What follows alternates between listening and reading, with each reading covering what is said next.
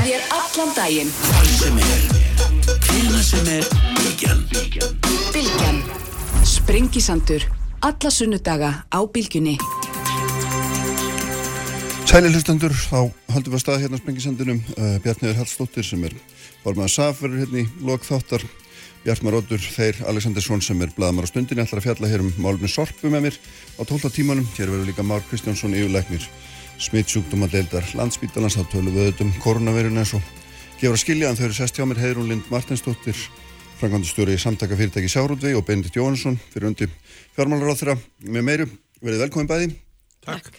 Við ætlum að fjalla um hérna, klassist mál í efnars og, og stjórnmálum á Íslandi sem er, er kvótinn veiði heimildirnar því að hérna, það er komið svona í sviðljósi mjög mikið enn og aftur þegar að ljóst var það þeir samherja frendur, tveir aðalegendur ætluði að arfleiða og þau hjón sem þær eru á bakvið ætluði að arfleiða börnin sína eignar hluti, þeir eru eignar hluti í fyrirtækinu, það er innlendu starfseminn sem har haldið þínu til haga og hérna og mörgum þótti þetta nú skrítið að þetta væri hægt vegna þess að einhvers það stendur nú í lögunum að auðlindir náttúrunar, auðlindir hérna nei, hvernig, lögunum með fiskveið stjórnur er það ekki að nýtjastofnar á Íslandsmiðum eru samegn íslensku þjóðarinnar.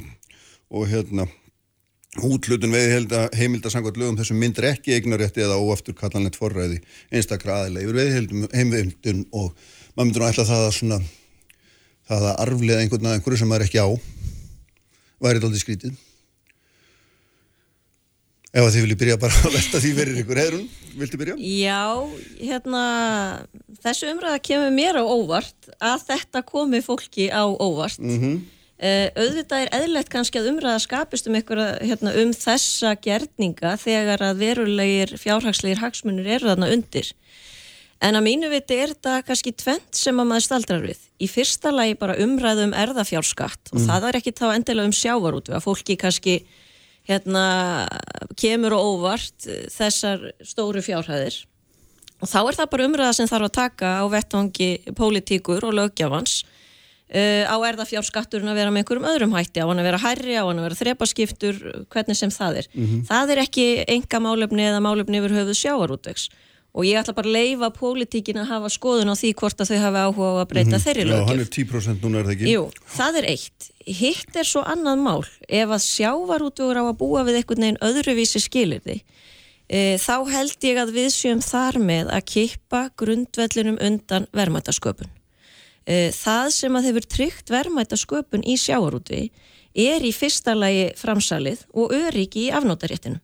Þetta er ekki mín orð, mm. þetta eru orð sem að þetta var sett á blað þegar, þegar árið 2000 e, í auðlinda nefnd sem að skilaði mikill skýslu um e, afnót af auðlindum í náttúru Íslands, ekki bara sjávarútvi og þar var þetta algjörð grundvallaratrið að framsalið og öryggi í afnótaréttinum er undist að hagkamni í rekstir sjávarútusfyrirtæki. Mm -hmm. Ef að sjávarútusfyrirtæki eiga bara að hafa líftíma mannsaldus þess aðila sem að stopnar fyrirtækin þá ertu þegar búin að kipa grundveldu undan allir verðmændasköpun mm -hmm. Þannig að þið þetta ekki stángast á við þetta, þetta, þetta þessa, hérna, þessa, þetta, þessa hugmyndum eignarétt sem skýrtir tekið fram í lögunum að, að sé ekki fyrir hendi Svo hugmynd er algerlega óbreytt og mm -hmm. það markmið lagana stendur enn og er óbreytt þrátt fyrir þetta mm -hmm.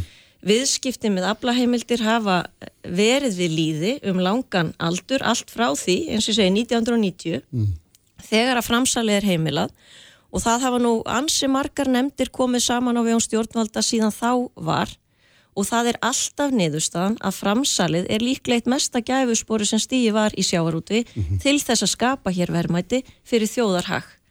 Þannig að þessu umræða kemur aðeins óvart að við séum komin á eitthvað byrjunaritt þar um að framsalið sé óeililegt eða kvótakerfi sem slíkt e, sé gallað.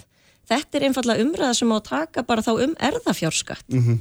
og það er ekki endilega vettvangi sjávarút Akkurat, skiljið, Bendit Já, sko, við erum nú strax í upphafðu að segja það það er ekki verið fólkið þarna, bönnin er ekki að erfa abla heimildirna sem slíka, þau er að fá hlutabrif í þessum fyrirtæki já, já, það og það er það sem að vekur hins vegar aðtegli fólks er það að þetta er mjög verðmætt fyrirtæki, þetta er fyrirtæki sem að ég sé að menn er að tala um 100 miljardar eða einhver, einhverja svoleiði stölu og fólki finnst það bara að vera mjög uh, miklu peningar og það eitt og sér vekur aðtegli. E, fyrir mér finnst mér það ekki vera stærsta málið. Það er engu breytt við í mínum huga hvort, að, hvort það eru börnin sem taka við þessu eða hvort þau selja þetta einhverjum öðrum. Ég sé það að fólk að gaggrína núna uh, uh, þetta, þessa uh, hérna, þennan gjörning sem fyrir örfáum árum seldi hlutabref í að vísu miklu minna fyrirtæki og taldi það ekkert óeirlegt á þeim tíma. Mm -hmm. Það er bara annað mál. Ég er alveg sammálað því að þetta er sitt kort máli en þetta vekur hins vegar aðtikli á því að við erum að setja upp svona eins konar aðalshóp þar að segja hópin sem hefur eh, aðgangin að lindinni sem næra auðgast mjög mikið á hverju einasta ári í gegnum það sérleifi sem hann hefur haft eh, frá stjórnvöldum og hann er að fjarlægast alltaf meira og meira allan almenning. Þannig að það er kannski það sem við ættum að einbeita okkur að, það er að segja að við eh, afnemum eh, þessa sérhagsmunni, það sé ekki þannig að það sé bara einhver ákveðin hópur sem megi fá afla heimildiðar. Segja eitt, kvótakerfið var mjög skinsanlegt að þegar við erum með takmarkað auðlind að þá verður að takmarka afnótafinni. Við vorum að eh, koma langt eh, leðina með að eðilegjana. Eh, það var lélega afkoma af sjáróðinsfyrirtækjunum þrátt fyrir að aflið væri miklu meiri í mörgum tilvíkum heldur en núna. Það var ekki skinsanlegt eða gott. Þess vegna eigum ekki að ráðast á kvótakerfið. Hér er tala líka um framsal afla heimilda. Mm það er okkur sem þjóðfélagi ekkert uh, á ekki að vera okkur eitthvað sérstaklega kappkjafli að frista ástandi eins og það núna uh, ég man ekki hvað voru margar útgerðir, alltaf gerir 400-500 útgerðir þegar kvotakerfi komst á. Hvað er það núna? 100 eða eitthvað svo leiðis mm -hmm. og þar að veru innan við tíu sem eru af einhverji verulegri stærð, 10 til 20 sem eru af verulegri stærð. Hagkvæmn hefur aukist bara út af þessu og um, það er heldur ekki neitt sérstæðkjæpi kjæfli allir út á landsbyðinni fái að vinna í fiski ef að mennu fá einhver önnur aðrbæraðistörf þá er það bara fínt. E, þannig að við hefum ekki að segja, að framsalið sé slemt það sem er slemt það er hinn ódýri aðgangur að auðlendinni mm -hmm. og sérréttindi þess hóps sem að núna hefur aðgang að auðlendinni það er megin að treyja. En þetta er náttúrulega tvískipt, annars vegar ertu með afla heimildir sem þú hefur hérna, keift fullu verði og það hafa allar þessar stóru útgerði gert í meira eða minna mæli og svo ertu með eitthvað sem þú hefur fengið útlutaði eða áunnið með veiðreynslu gegnum tíðin. Og, og maður sér að það eru eitt atrið í þessu að, hérna, að það, það er heimildir sem uppalega þannig sé kosti ekki neitt í beinum skilningi það er að færast yfir án sérstakra skatlegningar. Það er það sem að hérna, margir fetta fingur út í en, en hérna En sko það er alltaf, þú vekur aðtikli á því bendi sem að mjög slíka er hún hérna svo merkild í þessu að það er að fólk erfir hlutabrif. Ok, það er, við getum sagt það. En hlutabrifin er alltaf nákvæmlega einskísvirði nema vegna þess að er, verma þeirra er byggt á leifi til þess að veiða. Mm -hmm. Annars væri þau einskísvirði. Mm -hmm. Þannig að í grunninn ertu að erfa rétt, að því réttunum bundi við skip, skipir eða fyrirtæksins, þá ertu að erfa réttin til þess að veiða úr samílir öðlind. Ég meina, er það ekki alveg skýrt. Já, það myndi eiga við í jafnbölum skip líka, aflaheimildir er á skipum. Já, já, já. Þannig að þú þurftir ekki endilega að vera erfa EHF-ið. Nei, nei, nei, en, en jú, aflaheimildir eru líkil egnir í, í sjáarútvei. Mm. Og ég segi egnir vegna þess að skatturinn sjálfur segir, það ber að hérna, færa þetta sem egn í bókald fyrirtækjana. Eh, þannig að, jú, það er auðvitað þannig. Eh, ef að þú ætlar einhvern veginn að svifta menn þessari hérna, líkil forsendu til að skapa tekjur, líkil forsendu til að fá fjármögnun, þá ertu þar með að skada fyrirtækið og sjávarútvegi heilsinni og þú ert að rýra verðmæta sköpun sjávarútvegs sem er þá til tjóns fyrir þjóðina. Þú ert að minga þá þær tekjur mm. sem að geta runni til þjóðarnar. Við Benedikt hérna það sem að hann segir að það sé greitt lítið fyrir afnóta af öðlindinni. Já það vil nú svo til að íslensku sjávarútur er líklega sá sem greiðir mest fyrir afnótað öðlind, hérna sjávaröðlind, allra í heiminum uh, í formi veiðigjaldsins og annarar gjaldtöku reyndar líka. Uh, við þurfum alltaf að horfa át út frá samkefnisæfni. Við erum að keppa á erlendum mörgum, við hvað erum við að keppa? Við erum þar að keppa við ríkistyrtan sjávarútveg, ósjálfbæran sjávarútveg, sjávarútveg sem að jafnvel uh, hérna, er ekki að veiða í samræmi við ráðgjöf vísindana. Eh, Þannig að við þetta er að etja út í heimi og mér finnst við þá vera alltaf í umræðinni um þessi heima tilbúnu hérna, vandamál innan gæsalappa, luxusvandamál að ég tel, um hversu mikið er hægt að kreista út úr sjávarútveginum áður en við förum á skadan. Eh, Þannig að hérna, þetta er umræða sem ég á mjög erfitt með að skilja. Það er greitt fyrir afnótað öllundinni, eini, hérna, eina atvinnugreini hér á landi sem að gerir það, þrátt fyrir, ég meina það er mikil skýsla öðlindanemndar frá árinu 2000 sem að tala um að það eigi að taka gjald af öllum öðlindum. Og við erum ekki ennþá komin á þann stað að gera það, en við erum alltaf að tala um að sjávarútu greið ekki nóg. En samt er hann að greiða tvöfaldan tekjuskatt, jáfnvel þrefaldan tekjuskatt ef við færum veiðigjaldið yfir í tekjuskattskerfið. Hversu mikið er nóg fyrir Benedikt og aðra? Ég hlýta að spyrja því, hvað er mikið og hvað er lítið í gjaldtöku af nýtingu öðlindar? Já, þarna hef ég sagt, uh, við skulum láta bara sjávarútiðin ákveða það sjálfan í, með því að markast hengja gjaldið. Við skulum bara uh, ákveða það með því að uh, á hverju einasta ári að þá fari ákveðin hluti veiðiheimilda á markað og þá ákveða fyrirtækin sjálf hvað þau geta borgað mikið. Sum fyrirtæki munum segja, herðinni, við getum ekki borgað fyrir þessi 5% eða 3% eða 10% hvaða verður sem kemur á markað á hverju ári. Við getum ekki borgað núna, þannig að þá halda þau sig heima. Ef að koma hins vegar einhverjir aðrir, segjum til dæmis að eh, einhvert uh, sveitarfélagmöndi vilja kaupa kvóta, lefum þeim að gera það. Ef að ég vil kaupa kvóta, sem að væri kannski ekki skinsanlegt fyrir mig að gera, en ef ég vildi það, þá ætti ég líka að mega að gera það. En ég með því að taka þátt í svona uppbóði eða útbóði eða markastengtir leið að um, þá ákveð ég það sjálfur hvað gjaldi verður hátt og þá getur enginn sagt, heyrðu það er eitthvað að krista eitthvað út úr mér það er einfallega markaðurinn sem ræður og það er það sem ég segi er aðalatrið. Horfum á afkomuna í sjávarútvegi. Á tíu árum að þá var batnaði afkoma sjávarútvegi fyrirtækja um 447 miljardar og 500 miljónir. Bara til að segja hvað þetta er löng tala, það er 4, 4, 7, 5, 0, 0, 0, 0, 0, 0, 0, 0. Þetta er alveg gífurleg tala og hún er hefnileg fyrir útgjörðina vegna þess að hún er svo stór að það skilur hann enginn. En ef við bara hugsaum það, hvað er þetta á dag? Þetta eru 123 miljónir á hverjum einasta degi. Og þetta er hagnaðurinn eftir að búið er að borga þessa skatta, eftir að búið er að borga þessi veiðilöguvegjöld, þetta er hagnaðurinn af sjávaröldusfyrirtækjunum í heild. Og þau hafa á þessum árum, þau borga á hverju einasta ári svona milli 12, 14, 15 miljardar, eða rúmu miljardur á mánuði sem hefur verið að borga út í arð. En þar að auki hefur afkomað þeirra batnað um svona cirka 30 miljardar á ári.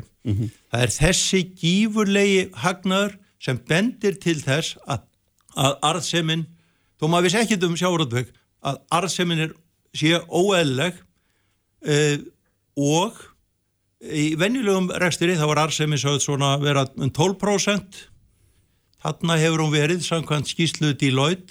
Þá var hún 26% arðsemi á um, árunum uh, til uh, 2018 þar er sér næstu tíu ár þar á undan. Þetta er ekki tölur sem ég er að finna upp. Þarna er umfram arðsemi langt umfram það sem eðlilegt er. Fínt að gangi vel sýnir að það að kerfið sem við höfum búið til það virkar, við vildum búið til meiri vermaði úr auðlendinni en við ætlum ekki að búa það til fyrir einhver örfa og útgeramenn við ætlum að búa það til fyrir Íslendinga alla. Þannig að við eigum ekki að skipta þjóðinni í útgerðar aðal og almenning. Við eigum öll að njóta góðsaf og láta markaðin ráða. Já, það er svarið í því. Þarna, já, þarna er mjög margt áhugavert sem Já. að kemur fram. Og hérna það að nefna tölu ég sagtu Benedikt að hérna, það hjálpar ekki þeim sem að hlustar að meta hvort að einhverju milljarar eða hundruðu milljarar sé mikið eða lítið. Ef hann setur þetta í samhengi setjum þetta í samhengi við viðskipta hagkerfið heilt yfir. Vöxtur eiginfjári sjávarútvegi frá 2002 til 2018 miða við vísitölu á per, ef við setjum þetta á per, hvert fyrirtæki þá þrefaldaðist hann í, í sjávarútvegi. Vöxtur eiginfjár í atvinnulífinu almennt fjórfaldaðist á þessu tímabili. Þannig að sjávarútvegur hefur ekkert gengið betur heldur en annar atvinnurekstur það er kannski umhugsanrefni líka Uh, varandi argreðslunar, þá eru argreðslur minni í sjávarútvi heldur en í atvinnulífinu almennt 2010-2018 þá eru 27% af hagnaði í sjávarútvi 39% af hagnaði í viðskiptahagkerfinu almennt. Þannig að það er engin sérstakur umfram hagnaður í sjávarútvi mm -hmm. sem að þarf einhvern veginn að sækja og það hefur raun að verið sagt af hálfu hagfræðinga sem að hafa komið að þessum málum, ég nefnum nú daðam á sérstaklega. Hann hefur sagt að ef einhver tíman var kannski þessu umframrent renta eða auðlinda renta í sjávarútvi þá er hún að líkindum farin út úr sjávarútvi vegna þess að sjávarútvi var sjálfur látin greiða fyrir hægræðinguna með því að kaupa upp óhagkvamari einingar og jú, það var þá hérna, samþjöpun í sjávarútvi en það skapaði líka hagkvamnina. Mér langar að nefna því að hérna, það er talað um sem markaðsleið af hálfu Benedikts og fleiri hérna, sem er í raun að ég tel svona misvísandi orðum það þegar að mennur að tala um hvaða gjaldtöku eigi að taka af atvinnugrinni. E, þegar að auðlindanemndin kom saman 2000 þá nefndi hún tvæleður, hún nefndi veiðgjaldið og hún nefndi fyrningarleið svokvöldu. Markaðsleið sem sjáarútvegur sem Benedikt talar um í dag er bara fyrningarleiðin. Hann talar ekki um það sem þarf að gerast nei, hlutfall, áður en að útbóðið fyrir fram. Hlutfalli, nei það er að segja er að afli tekin af fyrirtækjum og settur ámarkaði. Þú þarfst að svifta fyrirtæki, leikil egnum, mm. til þess að ríkið geti þá tekið til sín aflaheimildir og endur útlutaðum sjálf. Um Þetta er ekki markað. Nei, en þú ert að tala um að svifta, sko, nú, það er þannig í lögunum að fyrirtæki eiga ekki óendanlega rétt til þess að hérna, veiða fyrst. Það er, rétturinn er ekki óafturkallanlegur, sko. Og, og, og ég meina, grunninn er það ekki þannig, held ég, ég hef aldrei skilið að þannig að kvotakerfi sé hugsað um aldru og æfi þannig að sama fyrirtækið eigi alltaf að vera með það sama, skilur, það, þetta á ekki að vera þannig, það er í þessu sérstök ákvæði um eignarétt og hérna, og sérst, afnóta rétt getur við kallað það. Hárétt þér, hárétt og það er svo sannlega þannig að það segir í lögum að þetta sé samvegn íslensku þjóðarnar mm. og það hefur verið viðkjönd í dómum hæstaréttar að lögjafin getur gert breytingar á fiskveið stjórnuna mm. en Þetta er hins vegar balans á milli þessa og auðvitað þess sem að kallast eignaréttur eða afnótaréttur eða atvinnuréttindi Já. að þú gerir það þá ekki ánbóta og það verður að gera þá hérna á laungu tímabili. Er? Þetta eru sjónamið sem að bara vegast á og það já. þarf að meta í hverju einu tilviki hvort að það standist. Mm -hmm. Þannig að jú lögjafin hefur og ríkið hefur forræði á aflaheimildum. Um það er ekkert deilt. Það er ríkið sem á hverju einasta ári segir þetta er heimild að veiða og við ætlum að útluta, með, útluta því með þessum hætti. Þannig að um það er ekkert deilt. En þú færði alltaf ákveði hlutfalla heildaraflanum, ekki satt? Jú, ef að þú hefur hérna, fengið veiði reynslu eins og mm. lögin hafa kveðið áum mm. að þá færð þú útlutað afla, afla heimildum í samræmi við það. Þetta er bara það sem að lögjafin hefur sjálfur mm. sett reglur um og það, því hafa fyrirtækin fyllt. En mér langar að, hérna, við, ég verði að fá að klára að svara þessu með fyrningarleiðina og þessa markasleið er að hérna, það sem að kannski virðist eins og talaður um, já við tökum bara lítið, við skulum bara taka 5% eða 1% mm. eða og hérna það er hins vegar aftur, það, það er mjög erfitt fyrir fólk að setja það í samingi og hvað það raunverulega þýði í áhrifum á sjávarútök og hérna, Daði Már var með skýslu þegar að höðlinda nefnd en önnur hérna var í kringum 2010 e, og þar sagði hann hérna, orðurétt að fyrning aflaheimilda felur í sig mjög mikil neikvæð áhrif bæði á efnahag og rekstur útgerðafyrirtækja. Það sem að óatuguðu máli gæti liti út fyrir að vera óveruleg fyrning hefur raun afar mikil neikvæð áhrif enda er verið að svifta útgerðafyrirtækin likil egnum með varanlegum hætti. Niðurstuð þessara greinagerðar benda til þessa línuleg fyrtning umfram 0,5% á ári mm -hmm. myndi þurka út hagnað útgerðarnar. Fyrtning umfram það er líklegt til þess að valda viðvarandi tapregstri. Slík lágfyrtning mun einnig draga verluur eigin fjútgerðarfyrirtækina. Sangan þessari greiningu myndi 1% línuleg fyrtning á ári eigða að fullu eigi fjútgerðarnar. Svo lega bendi það hérna, bregðast þessu. Já, sko nú uh, höfum við uh, mat útgerðarina sjálfrar á uh, aflaheimildum. Það voru nýlega fimm eh, útgerðarfyrirtæki sem fór í mál við ríkið vegna þess að það voru gerð eh, mistöku að brotin lög við útdeilingu á eh, aflaheimildum á makrilkvota mm -hmm. og ég teil ekkit um það að þessi lög hafi verið brotin, ég hugsa að það hafi verið gert, það var ráð þeirra vafki sem að gerði það og þannig var það, en þau koma með kröfu á ríkið og hver er krafan þá fyrir þessum óveita makril og bara lítill og nýr stopp sem að er þarna, þá er komin 10 miljardar bara þessi 5 fyrirtæki sem bara er að gera kröfu út af hluta af kvóta á nýjum stopni. Hvers verði væri þá hafliði allur, segi ég. E, við höfum líka nýlega skýslu þar sem að e, í forsvari var einn helsti sérfræðingur á skólaprófessor á Akureyri er að tala um byggðakvótan og byggðakvóti og að, aðrir svona, svona tengtir pottar eru núna um 5,3% af kvótanum sem er útlutað e, fram hjá þessu kerfi.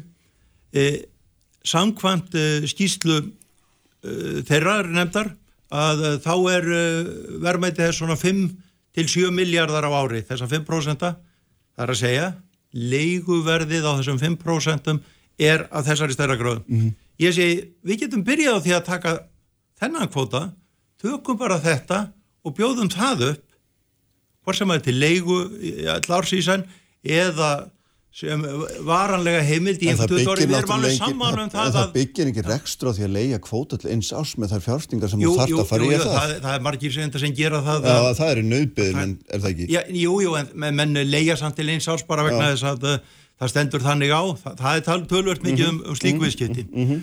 en e, það eru allir sammálu, eða ég hef minnst að kosti sammálu að heyrunum það, að það þarf að vera stöðuleiki í, í kvótanum e, frá árið til árs, bara í rekstri fyrirtækja en ef við byrjum nú á þessu og ef við sæjum það að það verður hægt að fá þarna 5, 6, 7 mm. miljardar mm. hættum að uh, láta sveitarfjölu útluta þessu til einhverja vinna eða, eða an, annara uh, láta við bara fá pening í staðin þá fáum við borlegjandi verðmætt á þessu þá sjáum við líka hvað eru útgerðirnar sem mm. geta þá uh, bóðið í þennan kvota, engin skerðing eða neitt, þá getur við séð hvað eru þær tilbúnar til þess að borga fyrir svona kvota og við þurfum ekki að taka veiði heimildir af þeim, við getum bara miðað veiðigjaldið við þetta. Mm -hmm, finnur verði og ég er ekki að segja að það er gerast 100%, Nei. heldur bara sem einhvern hlutfalla þessu. Uh. Núna er þetta þannig að það eru uh, embætismenn eða stjórnmálamenn sem er ákveða þetta frá árið lás fara yfir einhverja skýslur og, og, og aðtúa hvað mm. er einn raunverulega auðlenda prósta. Ég er alveg sammála því að það er einlega vonlöst að reyna að ná því uh, nákvæmlega, rekna það nákvæmlega út, en það vil ég ekki rekna út. Látum -hmm. fyrirtækin gera það sjálf borga sangjant verð þannig að við séum ekki með almenning annars vegar og aðalinn hins vegar. Herði, ég veit að hérna, við komst ekki alveg lengra með þetta, hérna, gældir þetta í bíli, sko, hérna, en mér langar sem sagt að því að það er svona uppröndið erindi, sko, og, og það sem að þetta svona erðamál vekur og spurningar um er þetta, sko, hvers virði er þetta hugtak, sameng þjóðarinnar, hvað þýðir það í raun og veru ef að það er hægt að kaupa og selja, jú, ég veit að það er búið að vera lengi og ég veit að það er grundvöldurinn undir hafraðing og svo framvegs og ég veit að fólk þarf að bókvara þetta og borga þessu skatt og allt þetta. En hérna En hvað þýðir þetta þá að það sé sameg þjóðarinn að það er hægt að flytja réttin til að veiða á milli kynsluða þá þýðir þetta í grunninn eiginlega ekki neitt. Ég... Þetta þýðir nákvæmlega sama í gæri eins og það þýðir í dag Já, og það þýðir, þýðir nákvæmlega það sem að þú ert að lýsa. Forræði á aflaheimildum það er á, á hendi ríkisins. Það er ríkið sem að útlutar, það er ríkið sem ákveður hvernig leikreglur eru það er ríki sem að er allt um líkjandi hvað mm. sjávarútveg varðar. En fyrirtækin á grundvelli lagasetningar e, þar sem byggt er á því að þeir sem að e, hafa skapa sér veiðirinslu fá útlutað aflaheimildum, það er gert til þess einmitt að hvetja einstaklinga til að fara út og veiða tegundir og gerur þeim verðmæti að þeir sjáu það í hendi mm -hmm. að mhm. það sé skrifað í lög ef ég geri það þá fæ ég útlutað aflaheimildum þegar að það verður hluteldasett. En ein... það er ríki sem hefur forræði á þessu, en já. þjóðin sem slík, það er ekki annað en ríkið. Nei, en hvað þýðir þá þetta fyrirbriðið sameg þjóðarinnar? Það er svolítið erfitt að átta sig á því ef að, hérna, að, að þeir sem að handla með þetta, þeir eiga það ekki, það stendur í lögunum og það stendur líka í öllunda ákvæðanum sem að hérna, bæði sem stjórnlega ráðið setti frá sér og því sem að verður að velta fyrir sér núna og hefur í samráðskáttinni. Það, það er enginn sem á þetta annar en þjóðin en þess vegna er þetta aldrei furðulega, það er bara furðulega hugsun að ímynda sér að einhver geti selt og keift og arleitt og, og gefið og gert hvað sem er við eitthvað sem hann ekki á. Hann það- hefur afnótarétt og hann hefur atvinnuréttindi Já, og já, á því byggir, byggir þetta. Já, sko, heiðrún vill vera í líum faðmi ríkið síns og, og láta ríkið uh, höndla með þetta. Ég vil láta markaðin höndla með þetta. Ég er svona meira enga framtagsmaður heldur en ríkismadur. Ég hef uh, lítinn áhuga á því og hef ekki þetta, þessa trú á alvisku stjórnmálamanna eða embættismanna. Ég held að sé miklu betra að markaðurinn á þessu en að almenningu njóti síðan ávastana. Við njótum þess öll saman. Það sé ekki þannig að menn sé að taka uh, mikið uh, út úr auðlindinni. Heiður hún nefni það að það er bókfæra eitthvað sem uh, uh, verðmæti en það er líka ef maður leigir húsnæði, ef við leigir húsnæði til 15 ára þá á ég að bókfæra leigu samningin. Þetta eru bara bókhalsreglur. Þetta hefur ekkert að gera með samveg þjóðarnar eða eignar rétt eða svona. Ég er bara afnóta rétt í ákveðin tíma og hann er einhvers virði. Alveg eins og afnóta réttur útgjörðarinnar af uh, kvotanum er mikils virði en það sem ég er að segja skiptum arðinum jafnar ekki láta bara örfáar fjölskyldur njóta þess, ekki láta þær koma síðan og uh, taka arðin og fara að setja í fyrirtæki og það er ekki eins og eins og sé verið að setja þetta í fyrirtæki í heimabygð, það er verið að setja í fyrirtæki um alland, það er að setja í blaðútgáfu, það er verið að setja í, í uh, prentsmiður, uh, það er verið að setja í keksversmiður og svo framvegis og svo framvegis. Fólk gerir auðvitað það sem þið sínistu peningarna sína en þetta var ekki það sem að kvótakerfi var hugsað. Kvótakerfið átti að nýta auðlindina betur okkur öllum til hagspóta.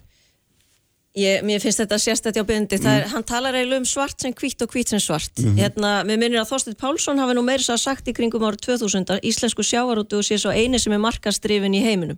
Við erum með markaðin sem ræður í dag. Á meðan að Benedikt er einmitt að tala um það að hann vilja að ríkið taki þetta til sín og fara að útluta þessu eins og ríkinu hendar hverju sinni. Það, get, það verður aldrei góðlaust og það hefur aldrei reynst vel hjá þeim sem hafa reynda og flest, flestar þjóður hafa nú bara reynda til kannski tvekja, þryggja ára og hafa síðan hætti. Mm -hmm. Þetta hefur ekki gefist vel. En mér finnst við stundum alltaf, ef við tölum oft eins og glasið sé alltaf hálf tómt en ekki hálf fullt. Við erum hérna með 20 mjög öflug sjáurútusfyrirtæki. Landið allt um kring. Ég get nefnt þrjú, þrjú fyrirtæki á hérna, Snæfellsnesunu, ég get nefnt þrjú mjög öflug fyrirtæki á Vestfjörðum, þrjú mjög öflug fyrirtæki á Norðurlandi, þrjú fjögur mjög öflug fyrirtæki á Östurlandi, þrjú öflug fyrirtæki í Vestmannum, þrjú fjögur öflug fyrirtæki á Suðunesjum. Hérna, þetta getum við ekki sagt um, erum við með þrjá fjóra öfluga banka í hverjum landsluta, erum við með þrjá fjóra öflug tryggingafyrirtæki. Það að við séum með 20 mjög öflug sjávarútusfyrirtæki sem geta staðið af sér þá öldu dali sem að sjávarútu þarf að gangi í gegnum með nokkur reglulegu millibili. Því, því verður við að fagna. Því þar liggur verðmættasköpun þar liggur þetta markmið um að tryggja og treysta mm. atvinnu og byggði í landinu. Það er í þessum fyrirtækjum. Og, ég, og það var meiris að hérna í auðlind að ég var nú bara að lesa þessu auðlindaskíslu í gertkvöldu og rífanjum því það er hans oft vitna til hennar frá 2000 að hún segir meðal annars e, samþjöppun sem orði hefur í sjáarútvi er ekki endilega kvótakerfinu um að kenna. Það er tæknirþrún, það eru hérna, fjármaksmarkaðir, það er erlend samkeppni. Það hefur líka áhrif. Mm -hmm. Þannig að við eigum ekki alltaf að tala um að það sé sjávarútvi um að kenna að það hefur orðið framþróun og fyrirtækin hafa stækkað og þau hafa orðið upplúðri með sammenningu. En má ég spyrja, sko, væri ekki heppilegra að sjávarútsfyrirtækin, þessi 20 stóru upplúðu fyrirtæki sem skipta svona miklu máli væru í dreifðari eignaraðild. Það er kannski einhver leiti kjarni málsins, eða svo bendit er nú réttilega að vekja hérna, málsá um, svona um það fáur sem að hérna, hagnast verulega þessu, hérna, en værið ekki hefnilega fyrirkomlega að þetta væri í dreifðari eignaraðild og við reyndum það nú reyndar einhvern tíman fyrir aldamótina í mann rétt að vera með skráð fyrirtækin, það gekk nú einhverju hlutu vegna ekki upp. Nei, nei. Hérna, það er alveg valið sjónamið og eitthvað sem við eigum að ræða á þetta að vera í dreifðareignaræld og væri það einhver hérna, betri líkill að sátt mm. en þeir líkla sem við höfum verið að hérna, nota á umliðnum árum. Uh, og það er umræða sem að mér finnst bara rétt að taka. Hérna, hvort að það muni skila þessari sátt og muni þá skila hérna, auknum tekjum til þjóðarinnar. Ég hef efasemtur um það en eins og þú nefnir það voru fjölmörg fyrirtæki á markaði hérna í kringum aldamótin. Áhugi fjárfesta var ekkit sérstaklega mikill. Það er nú, það er reyndar margþættar ástæði fyrir því að þau voru skráð af markaði. Eh, en ein ástæðan var einmitt þessi. Hérna, þetta er áhættu samur rekstur. Það koma mikla sveiflur mikil sveifla niður á við en jú líka góðir tímar. E, og áhugi fjárfesta var ekkit sérstaklega mikil með, meðal annars lífverðsjóð við sjáum það eina fyrirtæki sjávartusfyrirtæki sem skráðir á eða fyrirtæki sem er í veiðum og vinslu sem skráðir á markað í dag. E, ég get ekki síðan lífverðsjóðir aðri fagfjárfestar hafi staði þar í röðum. Samt gengur það fyrirtæki reyndar mjög vel. Eh, en hérna það virðist vera þannig að hérna áhættu sækni þessara fagfjárfesta er þannig að þeir þóla ekki hérna öldudalina eða óvissuna mm. sem að tengist sjáarúti hún tengist lífriki, hún tengist mörguðum og ekki síst tengist hún pólitískru óvissu. Að pólitíkin er sífælt að tala um það að það er að stokka upp í kerfinu að það er að svifta fyrirtæki líki leiknum. Það hefur áhrif. Mm, mm. Þess vegna eigum við einmitt ekki að vera með þetta kerfi sem er núna. Það sem er óvisa, það sem að ríki getur næsta ár uh, strax breytum og gæti uh, tekið upp eitthvað allt annað útlutunarkerfi eigum að gera kerfi það sem er markastengt kerfi sem er gera samninga til langstíma um ákveðin hluta af uh, aflæðimildunum þannig fáið stöðuleika, þannig er það markaðnisæður, ekki hafa einhverja misvitra stjórnmálamenn sem geta, eins og réttilega satt hérna, uh, tekið uh, ennþá vittlusar ákvarðanar á morgun heldur en þið tóku í gær þannig getur það bara verið og þetta sjáum að getur gerst. Til hversu langs tíma myndur þú vilja binda hérna, þetta, eða gera þetta samkómulega svo nefnir? Menn, menn hafa verið að nefna ýmsar tölur í tíma, menn hafa nefnt 20 ár 33 ár, þá var það 3% á ári. Mm -hmm. þess vegna 1% á ári 100 ár. Það breytist mjög hægt. En uh, uh, Hér erum við líka að tala um að það séu mörg öflug fyrirtæki, ég finnst það séu öflug fyrirtæki, það er mjög gott og öflug fyrirtæki. Við erum með reglum það að ekkert eitt sjáróðusfyrirtæki megi meira en 12% af kvótanum. Það eru tvög fyrirtæki að fyrirtækja samstæður sem eiga nú líklega samanlagt um 30% af kvótanum bara vegna þess að menn hafa kosið að loka augunum fyrir því að þetta er brotið. Þetta er bara rámtöðbendikt. Og, og þetta, ég segi... Mm -hmm breytum þá bara reglunum og leifum þeim að eiga 15% eða 20% en á sama tíma þá eigum að gera þetta þannig að þjóðin njóti árastursins eins og eh, eigendunir og þeir sem er að vinna við þetta. Og ég veit það vel að nú ætlar heyrun að segja mm. uh, samherji á ekkert ráðandi hlut í síldavinslu þeir eiga bara 49,9% það er ekki eins og berið á borð fyrir okkur sko Ég skal byrja þetta bort, með glöðu ekki Nei, ég, já, hérna... já, ég meina, ég tala í alvöru, ég er ekki að tala fyrir einhverju stöðnu ríkis tríðuði kerfi sem tryggir einhverjum ákveðnum aðlum sér réttindi, ég er að segja við höfum að horfa á allan almenning, allir eiga að njóta þess og fyrirtækin eiga að ganga vel og fyrirtæki ganga langt best í markastripnu kerfi, ekki í ríkiskerfi. Mm. Ég held að, sko, Benedikt er að tala um það sem að list var í kringum 2000 eða jafnvel fyrr, sko. Þegar að kvótakerfi var komið á 1990, þá segir lögjafinn, við ætlum að hætta að gera þetta frá einu ári til annars, við byrjum á því 83, nú ætlum að gera þetta til langstíma, við erum að koma hérna á kerfi til lengri tíma og við verðum að fá fyrirsjáanleikan og fyrirtæki verða að fá fyrirsjáanleikan til þess að þau fara að fjárfesta, til þess að þau fara að skapa verðmæti. Eh, þannig að það var hugssjónin þá og svo hugssjón er algjörlega óbreytt. Benedikt er að tala fyrir því að ríki fara að hafa meiri afskipti af sjáurúti en það sem er í dag. Það fer engin yfir 12% sem að lögjafinn hefur sett að sé það hámark sem að menn meiga eiga og það er ekki rétt að tala um einhverjar aðila sem jú eiga eigna hluti í öðrum félögum eh, sem tengda aðila eða eina fyrirtækja samstæðu. Ef að þú ert, segjum sér svo með 2-3 hlutafa í fyrirtæki þar sem að 1,49% þá er það þannig í lögum og það er ekki bara um stjórn fiskveða, það er líka í samkjöfnislögum. Þú verður, til þess að það verður yfir á fyrirtækisins, þá verður þú að geta haft afgerandi áhrif á mikilsáttar ákvarðanir í fyrirtækinu. Mm -hmm. Eins og staðan er, án þess að ég vilji fara að tala um einstök fyrirtækin, að því að það er alltaf talað um þetta mál síldarvinnslunar. Þar eru skipast eignarhlutir þannig og stjórn félagsins að samherji eða þóstett már fer ekki með meiri hluta hlutafjárþar og ég veit ekki betur en að samkjöfniseftildi hafi farið í gegnum alla þessa æfingu og þar var ekkert sem að bendi til þess að menn væri að vinna saman í því hvernig ætti að stýra þessu fyrirtæki.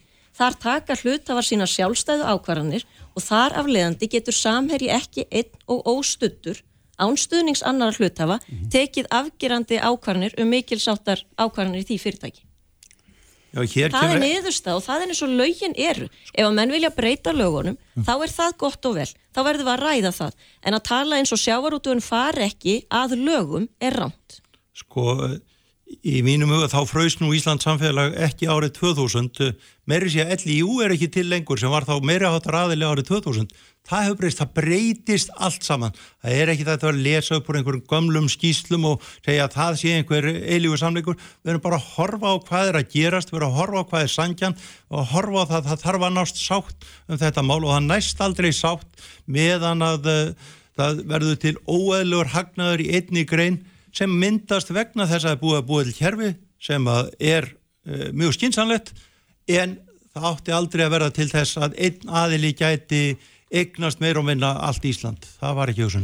Herri, við verðum að hérna, ljúka, ljúka þessu í bíli. Takk báðum fyrir að koma og hérna, ég veit ekki, við höldum áfram að ræða þetta að ég átta mig á því að svona einfalt hug, hugtak eins og markastrifi kerfi er hérna rétt að skilja með ymsum hætti, það held ég reyndar ekki fyrirfram. En hérna, takk báðum fyrir að koma og Már Kristjánsson yfirleikni verður hérna hjá mér eftir augnablík. Sprengisandur, alla sunnudaga á bylgjunni. Spretta frétta á Sprengisandi á Bilginni. Sælir hlustendur, uh, þau eru farin frá mér, Heiðrún Lind Martinsdóttir og Benedikt Jóhannesson, uh, en hingað komin Már Kristjánsson sem er yfirleiknir á smittsjúkdómadeild landsbítalans. Sælir blessaður og velkomin. Takk fyrir. Uh, þarna, það má nú næri geta hvert umræða efnið er eins og það hefur verið undan fatna mánuði en hérna, það er svona alltaf, alltaf hérna, það er margt í deglunni auðvitað og, og hérna, varandi þessa koronaviru og, og sko morgun verða kynntar skils með nýja tillögur um, um, um svona opnum landsins. Og auðvitað er það eitt af þessum málum sem er í deglunni núna. Og mér langaði aðeins að fá þitt álita á þessu vegna þess að nú sér maður til dæmis að spánverjar er að lýsa til yfir að þeirra ætla, að opna 15. júli og er þó ástand þeirra, eða ástandi þar margfald lakar heldur en hjá okkur og svona maður veldi fyrir sig hvað, hvernig sko, þú veist, af því nú er þetta sjálfst einhver svona spurning um áhættumat er það ekki? Jú. Menn er að reyna að meta áhættu hvernig, hvernig finna minn út hvað er hvað er best að gera og hvað er rétt að gera Já, það, það er hérna, það er stór, stór spurning. sko. Já, einmitt Ég held að hérna, það er svo sem kannski veit engin nákvæmlega svari við þessari spurningu Nei. og ég held að, að, að hérna, sko, þetta er, þetta er viðfársefni sem að þjóðir allstaðar bara í heiminum er að glíma við. Mm. hvað á að gera, hvað, hver er rétta leiðin og, eða réttasta leiðin? Uh, þannig að, að, að hérna ég, sko ég skil, sko, ég, ég held að þetta sé að sumuleiti hagsmunamat. Mm. þetta er hagsmunamat uh, til dæmis um, sko þá þarf þetta að setja einhverja hagræna þætti á, á metaskálina á móti heilsufars þáttu Já, já, og, og þetta er bara býstna snúið og þetta er tilfinningaþrungi mál og, og, og, og, og náttúrulega bara mjög flóki mál. Maður sér að þetta með þess að breytar er að fara aðra leið heldur en spannverjar já, og, og ég ímynda mér það að, að fyrir þjóð sem hefur 80 miljón sko, ferðamenn á ári eins og spánverjar þar sem að ferðamennska snar þáttur í þeirra efnahag að þar vega ábyggilega þessi hægrannu þetta er þingra á metaskálunum. Já, Bretar eru hins vegar ekki kannski ferðamannaland þó að það sé mjög marg, sko, að þeir fá mjög mikið hérna, gestum okkar einast ári Já. en í öðrum, öðrum tilgangi og, Já. og, og kannski veist, fjármálagjörning og annars slíkt, kannski þetta að leysa mjög mikið af þeim málum yfir netið já, já, já, já. þannig ef fólk verður að koma þarna þá, þannig að, að þeir hafa önnur aðra sína máli, Já. gæti ég trúað svo, svo eru náttúrulega þættir sem að sko flætja, flætjast fyrir og það er kannski pólitíski þættir og, og annars slíkt. Þannig að ég, ég, held að ég held að hérna fólk eh, sem sagt, lönd, ráðamenn í löndum líta á þetta mjög mismunandi augum. Mm, mm. en, en sko hvað er síðan rétt? Það er nú hérna já, það er nú önnur saga, Ma- ma- maður getur til dæmis litið til, til nýja sjálfans til dæmis þegar maður, þeir eru bara þeir eru ekki mjög háðir e, ferðamennsku, þó að það sé náttúrulega talsverð ferðamennska þar, en, en þeir eru til dæmis ekkert að flýta sér að opna landið að vísu búa þeir við hliðan á heimsálfu sem heitir Ástralía Já. þar sem hefur gengið líka mjög vel og þannig er maður að tvö eiríki hlið við hlið Já. og þar eru einhverjar sko pælingar í því að opna kannski á milli þessar Já, þetta landa já, já. en ekki sko mikið umfram það Nei, og þannig ertu með sko mjög stór sem sagt, samfélög og, og, og mikla framleiðslu og, og innviði sem að eru meira uh, hvað maður segja sjálfstæðiri já, eh, já, og, og svona self-sufficient. Já, sko, svona sjálfbærari. sjálfbærari. Já, og, og, en, en tökum til dæmis eins og Ísland við erum miklu háðari öllu sem er að gerast í umheiminum. Já, bæði hvað vorðar innflutning og útflutning og, svo já. ferðamennskun Já, alltaf sem er að verða okkar einn helsta atvinnugrein og að sjá, sjáróðurinn sé alltaf mjög mikilvægur eins og hér kom fram á Já, já, nákvæmlega. En sko það sem er svona, hérna, það er svona frólægt eins og sérstaklega með spánverðina því að það er svona ástandi er eins og það er og, og svo, svo er ástandi hér einhvern veginn allt, allt öðruvísi. Það er hérna og, og, og, og svona, sko, ég veit ekki, myndi eitthvað til að mæla með því að ferðast til spánar þó að þeir opnir, sko, það er, myndur, ef þú væri spurður, myndur þú mæla með því að fara, eða værið allt í lægi, eða hvernig neila svona, Ég, sko, ég, held, ég held að þetta sé ég, kannski, sko, það sem er stóra breytingin í dag mm, er það að, að sko, við, og þá er ekki bara, bara við sem, sem fagfólk heldur líka bara við sem samfélag við sem einstaklingar í upplýstu samfélagi að við erum uh, sko, við, við, við ve- vitum meira hvernig við erum að hefða okkur við, eða vitum betur. Já, og það eru ákveðnar fjarlæðareglur og hérna reynlætisreglur, samfélagsreglur sem, a, sem að eru uh, orðnar sko fólki tamara já, í dag. Heldur en það var hérna bara fyrir hálfa ári síðan. Já, já, Uh, við vitum meira um veiruna, við vitum meira hvernig það smitast og, og, og þorri fólks veit þetta þannig að ég held að, að sko fyrir þá sem eru bara skinsamir og, og, og trista sér að beita skinsami Mm. það er í sjálf og sér lægi fyrir það að ferðast til spánar. Það- ég, ég, ég mynda mér annað um, en þú, þú getur líka farið til spánar og hefða þær eins og fáiði og, og, og útsett þig fyrir, Já, fyrir e, e, bæði þig og aðra fyrir, Já, já. fyrir veiru Já. þannig að, að ég að, ég held að, að það sé kannski stóri sko, kosturinn í dag mhm, og það sama myndi gilda sko, fyrir ferðamenn sem að koma til, til dæmis Íslands þegar verður farið að opna en, en þetta, er, þetta er bara eins og með svo margt annað, þessi óvisa þú veist ekki hvort að ferðamaðurinn hegðar sér vel. Nei, en, en, það, en þetta eru bara svona einhvers konar samfélagssáttmáli. Við vitum eitthvað hvað þetta hefur för með Nei, sér að nei. nei, nei. Og, og svona líka það sem að velti fyrir sér sko, segjum ég hérna, við opnum landið og við ætlum að skima alla og við getum aðeins rætt það betur en, ég meina, hver er einhverju mörg þess að að þú lokir aftur, er það ef að koma tíu smittar út úr vél eða Já. fimm eða fjórtán eða hvað er það sko, þa- það er kannski svolítið sem að við sem, sem að við sem sérfræðingar við, sko, við eigum að geta lesið svolítið í það. Mhm. hvað er að gerast í samfélaginu? Og, og það er það sem að til dæmis sko, stjórnmálamenni þurfa að reyða að sjá að, að, að, að, sko, ég get ekki beinlega sagt að nákvæmlega hvort það eru 5, 10 eða 15 Nei, en, en, en sagt, það er svolítið í eðli málana hvers eðlis þetta er, er þetta að koma upp á mörgum stöðum á sama tíma? Er þetta að koma upp í öldruðum? Veist, minna, hvernig er byrtingamyndin já, sem að, sem að færa okkur til þess að, að, að sko setja að, búa til einhverja mynd og segja, heyrðu, þetta er að fara úr böndunum hérna, Já, sko, nú þurfum við að bara stoppa.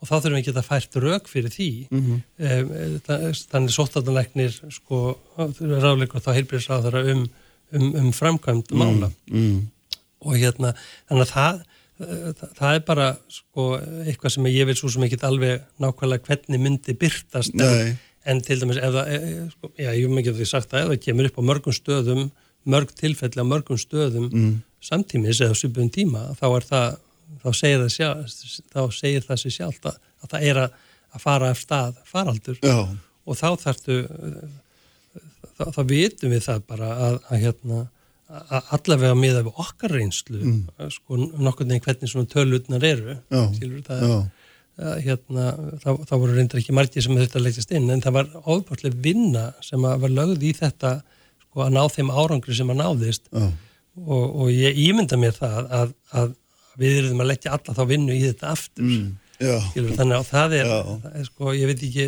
ég, ég bel þó að við hefum lært heil mikið að þá, þá er það bara þannig að við höfum sko við höfum bara þetta heilbyrði starfsfólk sem við höfum já, já, höfum þessi úrræði sem við höfum og við munum beita þeim náttúrulega eins og Já, ég meina það, já. það er náttúrulega bara með svona hérna, kollegiðan Magnús Gottfriðsson saði hérna einhvern tímann að, sko, auðvitað er alltaf besta leiðin er auðvitað bara þessi smitrakninga leið og hún Já. er bara maður að mann leið, það er, er ekkert sem getur breytt í og það verður alltaf jafn umfórst mikið og flókið og Algjörlega, algjörlega og það, það bara segir sér sjálf sko. Mm. og það, það er þannig að prófa mikið, rekja smitt, hafa fólki sótkju einangrun, þetta eru bara þessi grundallar atriði í svona faraldursfræði og, og temprun faraldur. mm. En ertu svona sjálfur inn í þér sko sáttur við að svona þá leið sem við erum að fara, er hún, erum við svona á réttum staði í áhættunni, finnst þér, með svona allt og allt? Sko ég, ég held að það sé, ég meina það þarf að taka ákvarðin um það að, að, að opna landið, mm. einfallega vegna þess að, að sko ég, meina við verð, ég meina þið sjá bara hvernig staðan er hjá flug,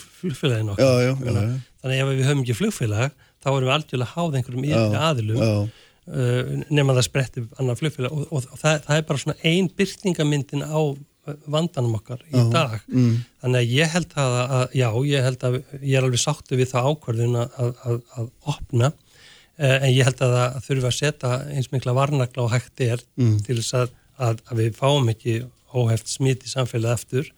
Um, það er eins og að sko kannski allar forsendur fyrir því að við fáum sagt, smit inn í landið og, og, og þá verðum við að higgja því að, að kannski þorri fólks er ennþá næmur fyrir veirusíkingunni þannig að þú ert í rauninni með allan efni við í annan faraldur. Já, Eh, þannig að sko, við þurfum þess vegna að hegða okkur skinsamlega og, og, og, og hérna ríkið, eh, ríkistjórnin og heilbyrðis yfirvöld, þau þurfa að setja sko eins mikla fyrirvara á komur fólks eins og, eins og hægt er og mér, mér, sínst að verið talað um það að gera þarna þessa skimun við landamæri uh, setja fólk í sótkví eða, eða þá að, að fólk geti á einhvern annan uh, óíkjandi hátt sanna að það hafi fengið veiruna og sé sem sagt ekki smitandi. Já, þannig að, að þetta er allt saman sko leiðir að þessu markmiði og, og, og síðan þarf náttúrulega mjög mikla, mikið fræðslu starf og sko til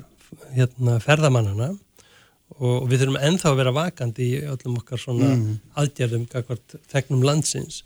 Og, og, og þannig að ef allt þetta gengur eftir þá, þá vona maður að, að hérna, það verði ekki meira áttur áföll já, já. en, en svo er, ertu með aðra sem segja bara að það er óumfríanlegt að, hérna, að, að hér komi annar faraldur Já, já, það er alltaf svona, það er, það er, hérna, það er gjaldi sem við, við hérna, það er gjaldi sem við gjöldum fyrir það að okkur gekk vel, Já. er að við, við erum, hérna, opinn fyrir þessu, Já, en það má eiginlega segja, það sko. má segja það sko. Já, en, en, en það, sko, það, það eiga eftir að koma sko, frekar upplýsingar um það sko, hvað eru margir sagt, hvað eru margir á Íslandi sem hafa tekið smitið Mm. og eru þar, þar leðandi varðir já, í samaburði við sko löndin í kringum okkur mm -hmm. Svíþjóð, Noreg, Danmörk. Já, Þískaland já, já, Breitland og svo framir En ertu alveg viss um þetta, fyrir ekki að ég spyrir þið svona svo, hérna, ég sé að yfirherra það, en hérna, meina, að því að maður getur svo auðvitað fundið alveg hérna, príðilega greinar á netinu um það að við vitum ekkert um það hvort að fólk er, getur fengið þetta aftur. Also, hérna já, Að því þú segir ef maður er búin að fá þetta einu sinni, já, þá- þá- Nei, nei, já, sko, ég, sko, nú er ég bara sem sagt deila svona bara tala sem smittsjúkdómaleknir Já. og, og svona almenna þekkingu það er að segja sko að, að koronaveirur, að þær eru ganga sko ár eftir ár eftir ár í samfélögum uh, og, og, og sem sagt fólk getur verið að fá þetta aftur og aftur og aftur. Já, en þú færð kannski, segið þú fáir þetta í ár þá ertu kannski í hlýja í 2-3 ár. Já, já, og síðan getur þú fengið þetta aftur. Og það er þannig að sko, sko, altså, mótefni sem að myndast gegn sumum veirum eða sumum bakterjum þau eru ævilöng þau veita ævilanga vernd á meðan að annað veldur bara mjög skamvinna vernd eins og við þekkjum með mm. nóroveiru til dæmis sem að verndar þið kannski í sex mánuði eitthvað svona. Skilur, þá getur við verið að fá það aftur aftur og við, við vitum ekki ná, eða sko, ég, ég treysti mér allavega ekki til þess að útskýra það hér sko, nákvæmlega í hverju þetta er fólkið en, en kannski meira nema því leitunum til að, að, að mótefnin eru ekki sko vænleg til langvarandi eh, hérna verndar Aha. í, í sumum tilveikum á móti önnur Já. þannig að eh, við vitum í rauninni ekki nákvæmlega með, með koronaviruna hvort að þetta hvaða, hvaða marki hún er brend, hvað þetta varðar. Nei, nei, nei, og hérna þannig að kannski, kannski er þetta ævilöng vernd Mm. fyrir þessari veiru. Uh, vonandi. En kannski Já, ekki skilurðu.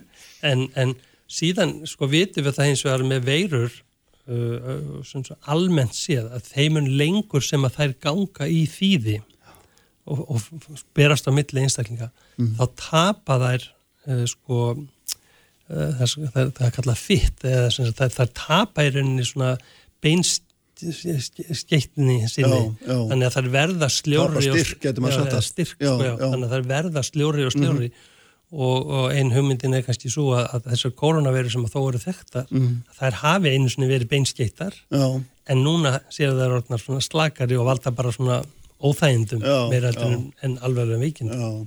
Sko, hérna, það er það margt í þessu fróðlegt, sko, eitt af því sem er svona kannski tensluðast að tala um, sko, er, er, er það sem við vitum, vitum ekki, að, að við vitum til þess að það er gríðlega margir smittar í bandaríkjunum, uh Mhm. -huh. það inga koma mjög margir bandaríski ferðamenn, um, en við teljum líka því að að það hefur ekki gengið mjög vel eiga við þetta og þeir hafa ekki skima marga, ekki hlutfalslega og svona bara þeir eru með veikt fólk að vinna í kjötversmiðum og guðum að vita hvað bara eru einhvern veginn alveg út úr út úr öllu kortið sem að segja sko, hérna, myndum við vilja opna landi fyrir bandarískum ferðamönnum vitandi það að við höfum ekki hugmyndum hvert sko, það svo kallega samfélagsmitt er það, ég veit ekki, er, er, myndum að tala, vilja taka sérstaka ákvörunu það versus eitthvað annar land, hvernig, hvernig ætti að hugsa þetta? Já, ég, sko, ég, hérna, ég held að, úr því að þú nefnir bandaríkin, sko, Já. þá bandaríkin eru, sko, bandaríkin er náttúrulega ekki ein þjóð. Nei, nei, nei, nei. Þau eiga bara fána og, og fórseta og, en þetta er, og þetta er ótrúlega, sko, misskipt í innan bandarískra tegna.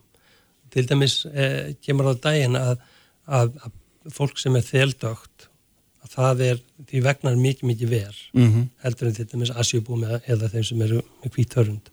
En það veikjast verið? er- Já, já, já, og, já. og bara, þeir, bara veikjast veru og eru, eru, eru dánartalin er herri og, og, og það eru, það eru umfangs meiri veikindi. Af hverju er það? Er það vegna þess að þeir sem, þeir sem eru þeldökkir búa við báar í kjör, e, þeir eru of, oft með, með meiri hérna offitu, Mhm. þeir hafa herri blóðþyrsting, sko, þe- þetta vitum við ekki.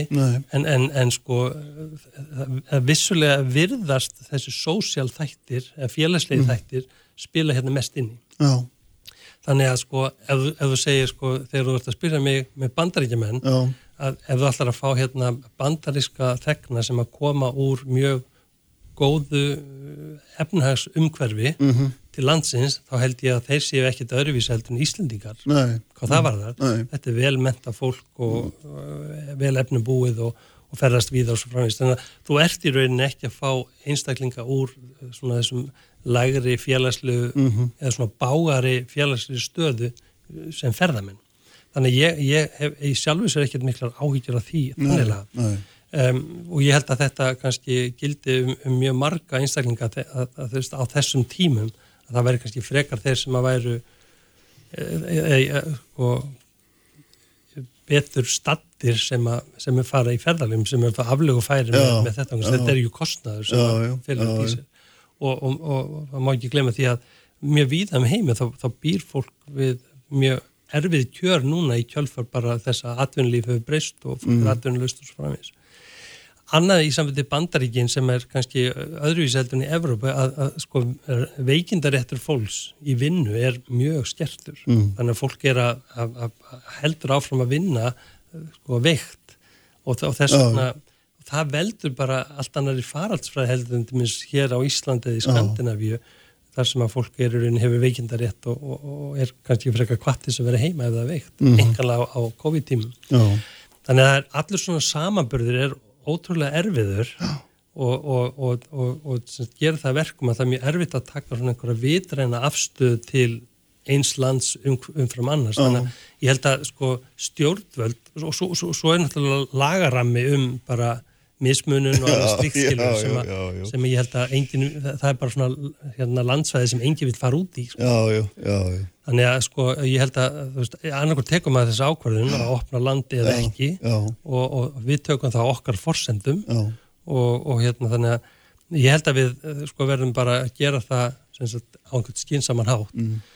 Fólk hefur verið svolítið aukandi um það og finnst, sumum finnst vera bratt farið að gera, segja þetta 15. júni við af hverju 15. af hverju má ekki gera 15. júli eða 15. ágúst, við erum að kvíla okkur Já, og, og já, og ég, ég meina ég held að ég hef svo sem enga sérstakka skoðun á því um, sumir hafa viljað sagt að við þurfum að læra að, að gera þessar skimanir og, og væntanlega eru ferðamenninir fáir sko í byrjun Já. þannig að það er eins gott að bara byrja veist og, láta það svo bara gerast hægt á bítandi þannig að en, en ég kann ekki alveg öll þau rauk sko og Nei. hef svo sem enga sérstakka skoðun á því hvort að það byrja 15. júni eða 15. Nei, þetta er júlí. svona daldið þess að kannski setja fingur út um glöggan. Þetta, þetta er svolítið þannig Já. og, og hérna, svo- svo- þú þarfst að taka ákvörðun og, og það er sko, eins og þú bentir á fjöldi fólks að, að reyna að vega þetta og meta Mm. hvað er rétt sko, þannig að ég veit ekki alveg hvort þetta verður endalið niðurst Nei, nei, nei, nei.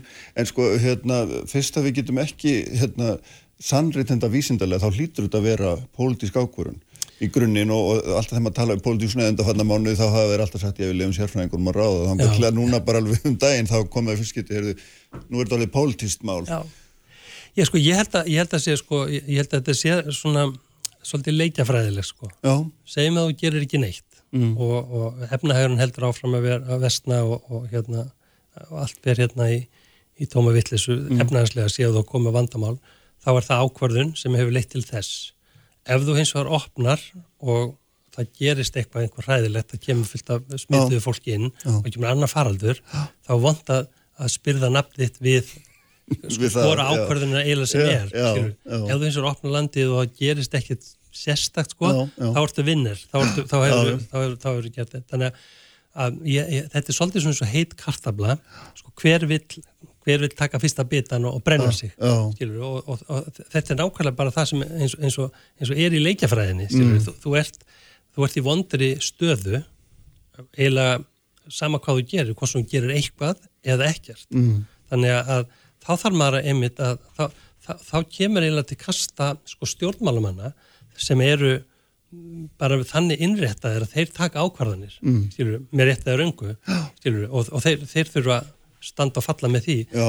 sko um, ef þú þú klessir mér upp í vekk og segir hver er hinn svona faglega hinn rétta faglega ákvarðin Já. þá sennilega réttast að gera ekki neitt og bara þú veist, láta þetta degja út Já. og láta þetta aldrei koma til Íslands aftur, Já, já. en það er ekkit alveg raunhæf, raunhæf, Já, já, en það er bara nákvæmlega þetta sko, hérna, að því að við höfum treyst svo mikið á sérfræðingar og sérfræðingar eru náttúrulega sérfræðingar, þeir taka ákvarðin út frá mjög þröngum sjónarhóli, eðlilega, og það er bara þeirra hlutverk, það er ekkert við því að amast. En þeir hafa þetta ekki heildarhagsmununa í, nei, ekki að sama, hlut, ekki að sama skapi eins og stjórnmálmenni til dæmis eigað.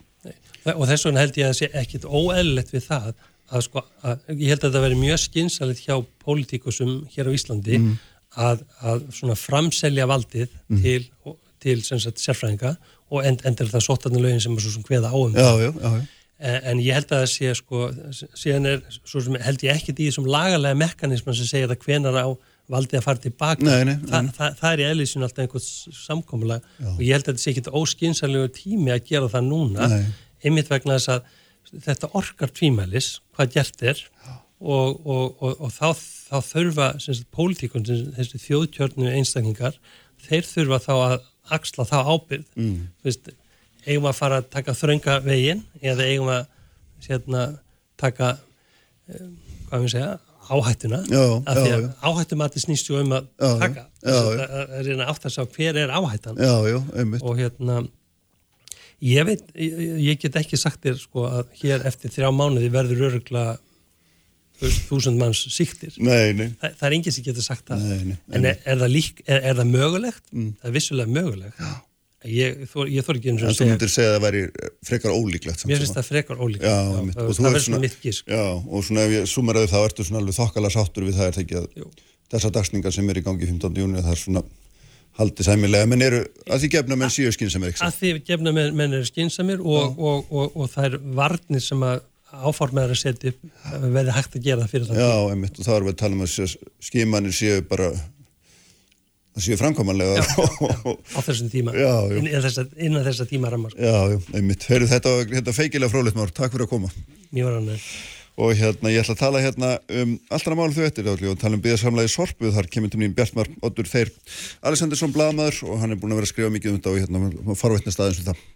Fréttir þjóðmál og pólitík. Sprengisandur á bylgjunni. Kraftmikil umræða, alla sunnudasmórna, sprengisandur á bylgjunni.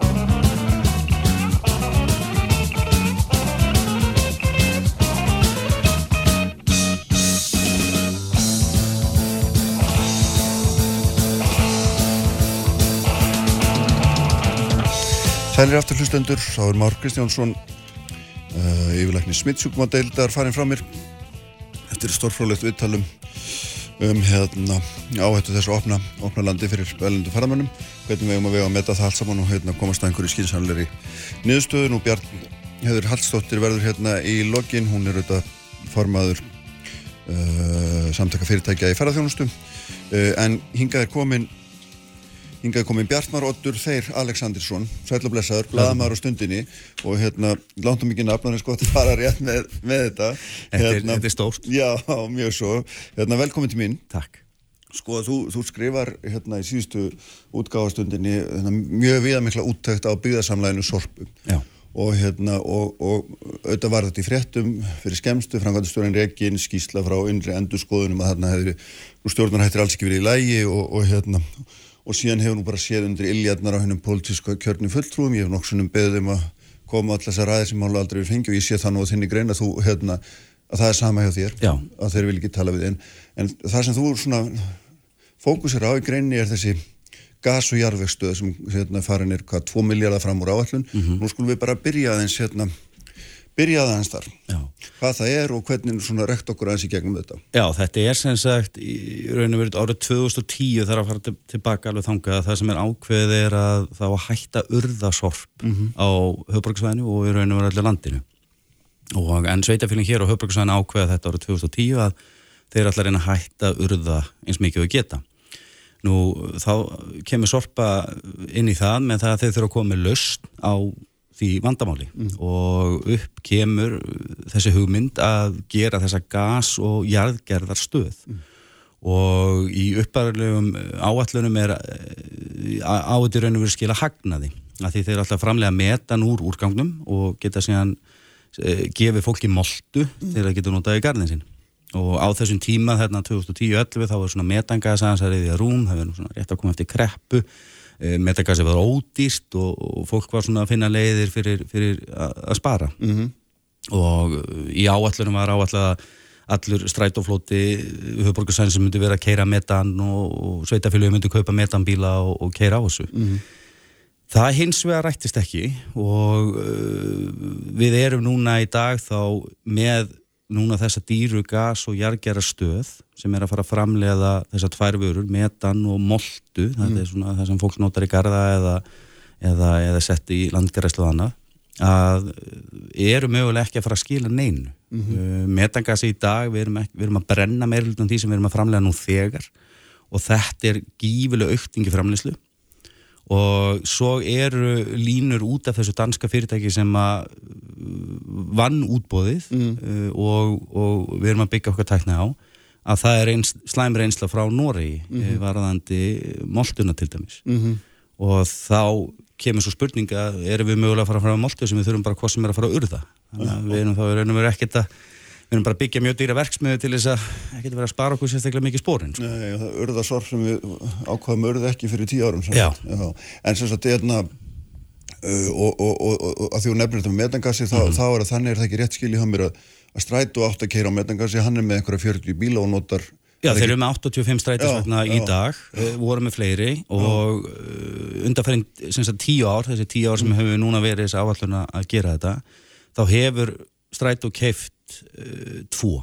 Þeir hafa keift sem sagt um rúmlega Mm. 60 strætisvagna og af þessum 60 strætisvagnum eru tveir metanvagnar. Þannig að vegna þess að það er líka byggðarsamlag Mhm. sem að hérna ætti að vera að kaupa gasið að byggðarsamlaginu sorpu Akkúrat. fer bara einhver allt aðra leið það er grunnið þar sem að Já, það kemur í ljós þegar strætó fyrir að skoða í raun og veru kostnað við rekstur á vögnum að ramagsvagnar koma best út. Og ramagnir er svolítið svona að taka yfir þetta taktin er að, fara mjög hratt eh, og þróast mjög hratt. Og þá er í raun og veru já, bara kostnæðarlega lítill áhuga á metaninu. Og það veldur því að markaðurinn verður ekki til staðar.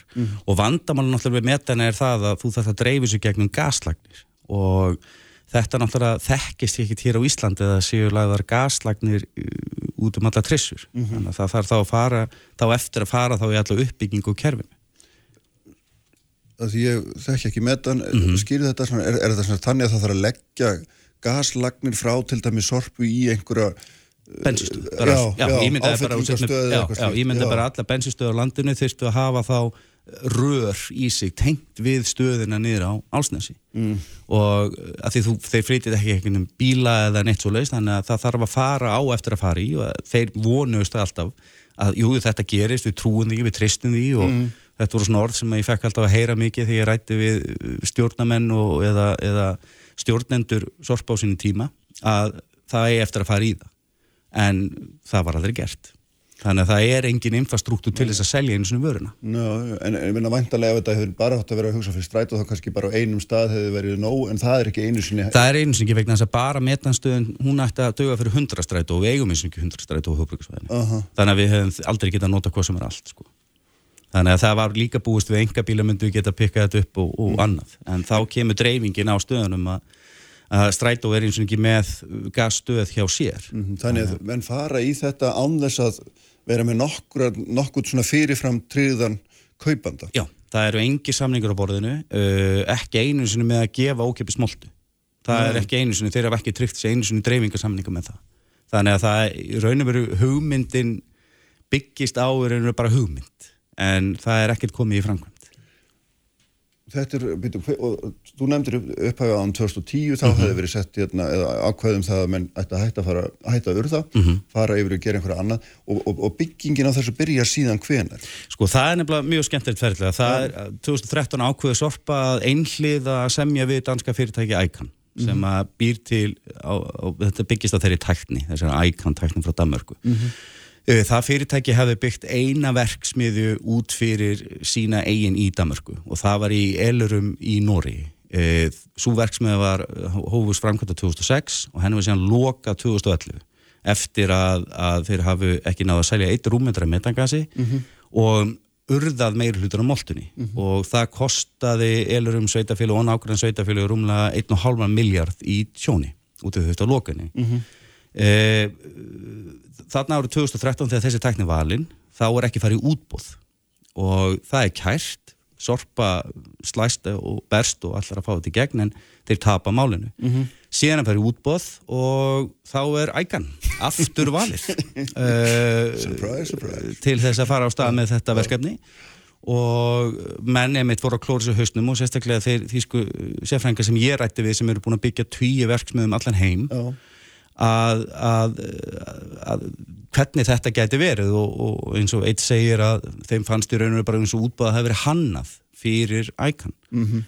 og, uh, og þeir svona já bara skildi þetta ekki. Þú veist, þeir horfðu bara á þetta ok þeir, þeir eru búin að ákveða þetta alltaf það fyrir bara einbyttökur öðru mm, en, en að velja fyrirtæki sem hefur engungu búið til eina versmiðu sem að klikkaði það, það þóttu mjög mörgum fyrirlegt Og er þetta sem sagt þannig að þessi versmiði í Nóri og íslenska hérna gas- og jargerastöðin, þetta er samskonar, bygg- samskonar tækni og... Já, Já.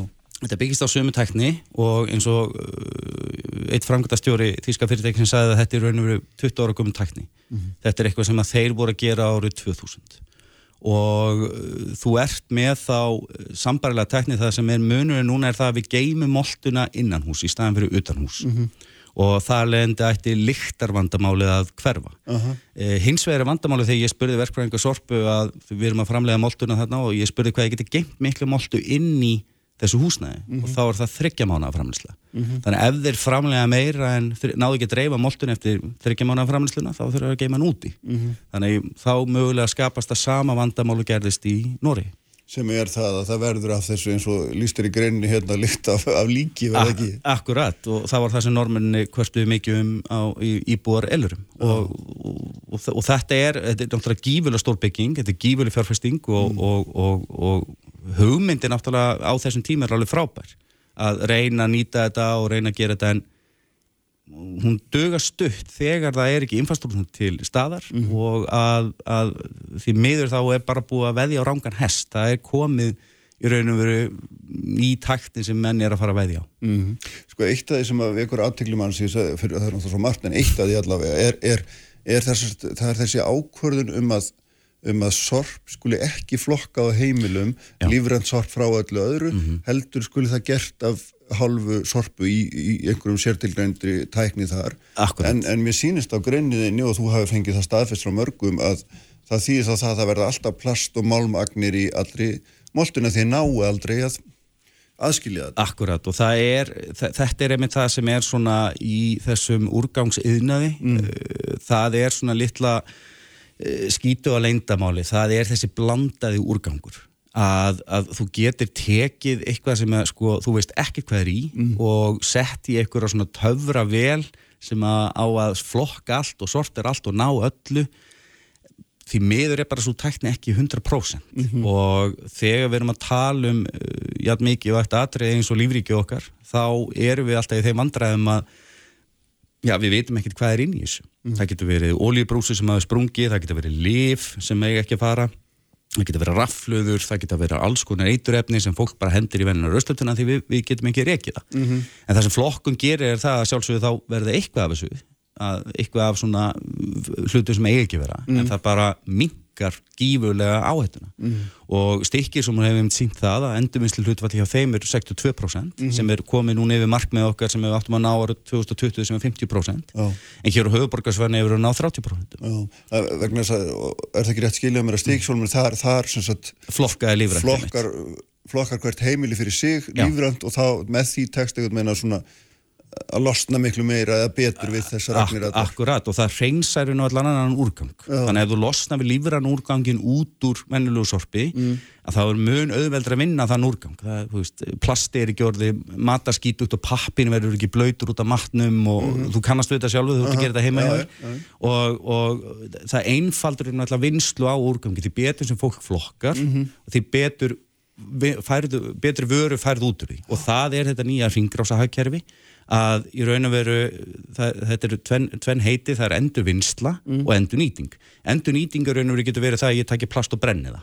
En endurvinnsla er það að ég taki plast og ég býti nýtt plast úr því. Og það er þetta ringrása hagkerfi sem ekki eyða öðlindum, af því við eigum bara takmarkað af þeim.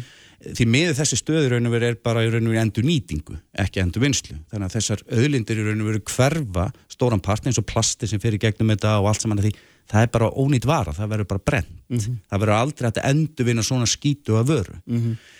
Þannig að já, þeir hafa ekki raun og veru farið í það að trista uh, fólkinu á höfbruksvæðinu að flokka betur heimi á sér. Og það er meiri segja ef að ég vil flokka lífrænt rusl hér á höfbruksvæðinu og ég vil borga sjálfur undir að tunnu Já. sem ég fæ heim til mín þá má ég það ekki. Nei, að því sorpa á að hafa enga rétt og öllu. En hva- Nú veit ég, hérna, þú sagði mér að þú verður búin að skoða þetta máli í raun og verið marga mánuði núna og hérna, og, og, og þarna ég veit ekki með, þetta er náttúrulega bara einhver svona sorgarsaga eins og þú lýsir þessu og, og hérna, nú hef ég ekki, nú er enginn landmælaður en hérna, skulum bara halda okkur við þína sögu ég, Já. meina, ég, hva, ég veit ekki, mér finnst það þegar ég lest að þetta er bara eiginlega sorgarsaga sko. Ég þetta verðist vera að þegar hugmyndin er tekin að þá bara að klára hana mm. Og uh, það verðist vera að enginn hafi rétt upp hönd, og vera að spurja gaggrína spurninga. Uh, það eru til skýslar á núti sem voru kynningar til stjórnundasorpu á þeim tíma sem að ákvörðum var um byggingar og, og fleiri og fleira eftir árunum. En það verðist vera að þeir hafi náð þessu fram stjórnundasorpu og kyrt þetta áfram Uh, en, en það er nefnilega kannski vandamáli sem að skapast með stjórnsorpu það að hún er skipið á tveggjara fresti. Sem þýðir það að það skapast aldrei neinn reynsla inn í stjórnsorpu að þú ert að fá pólitíst skipaða fulltrúa sem eru með mismöndir reynslu og jafnir þá ekki réttur reynslunum til að fara í rekstur á jafn flóknum yðnaði og úrvinnslu yðnaðin er, þess að rusla yðnaður Já.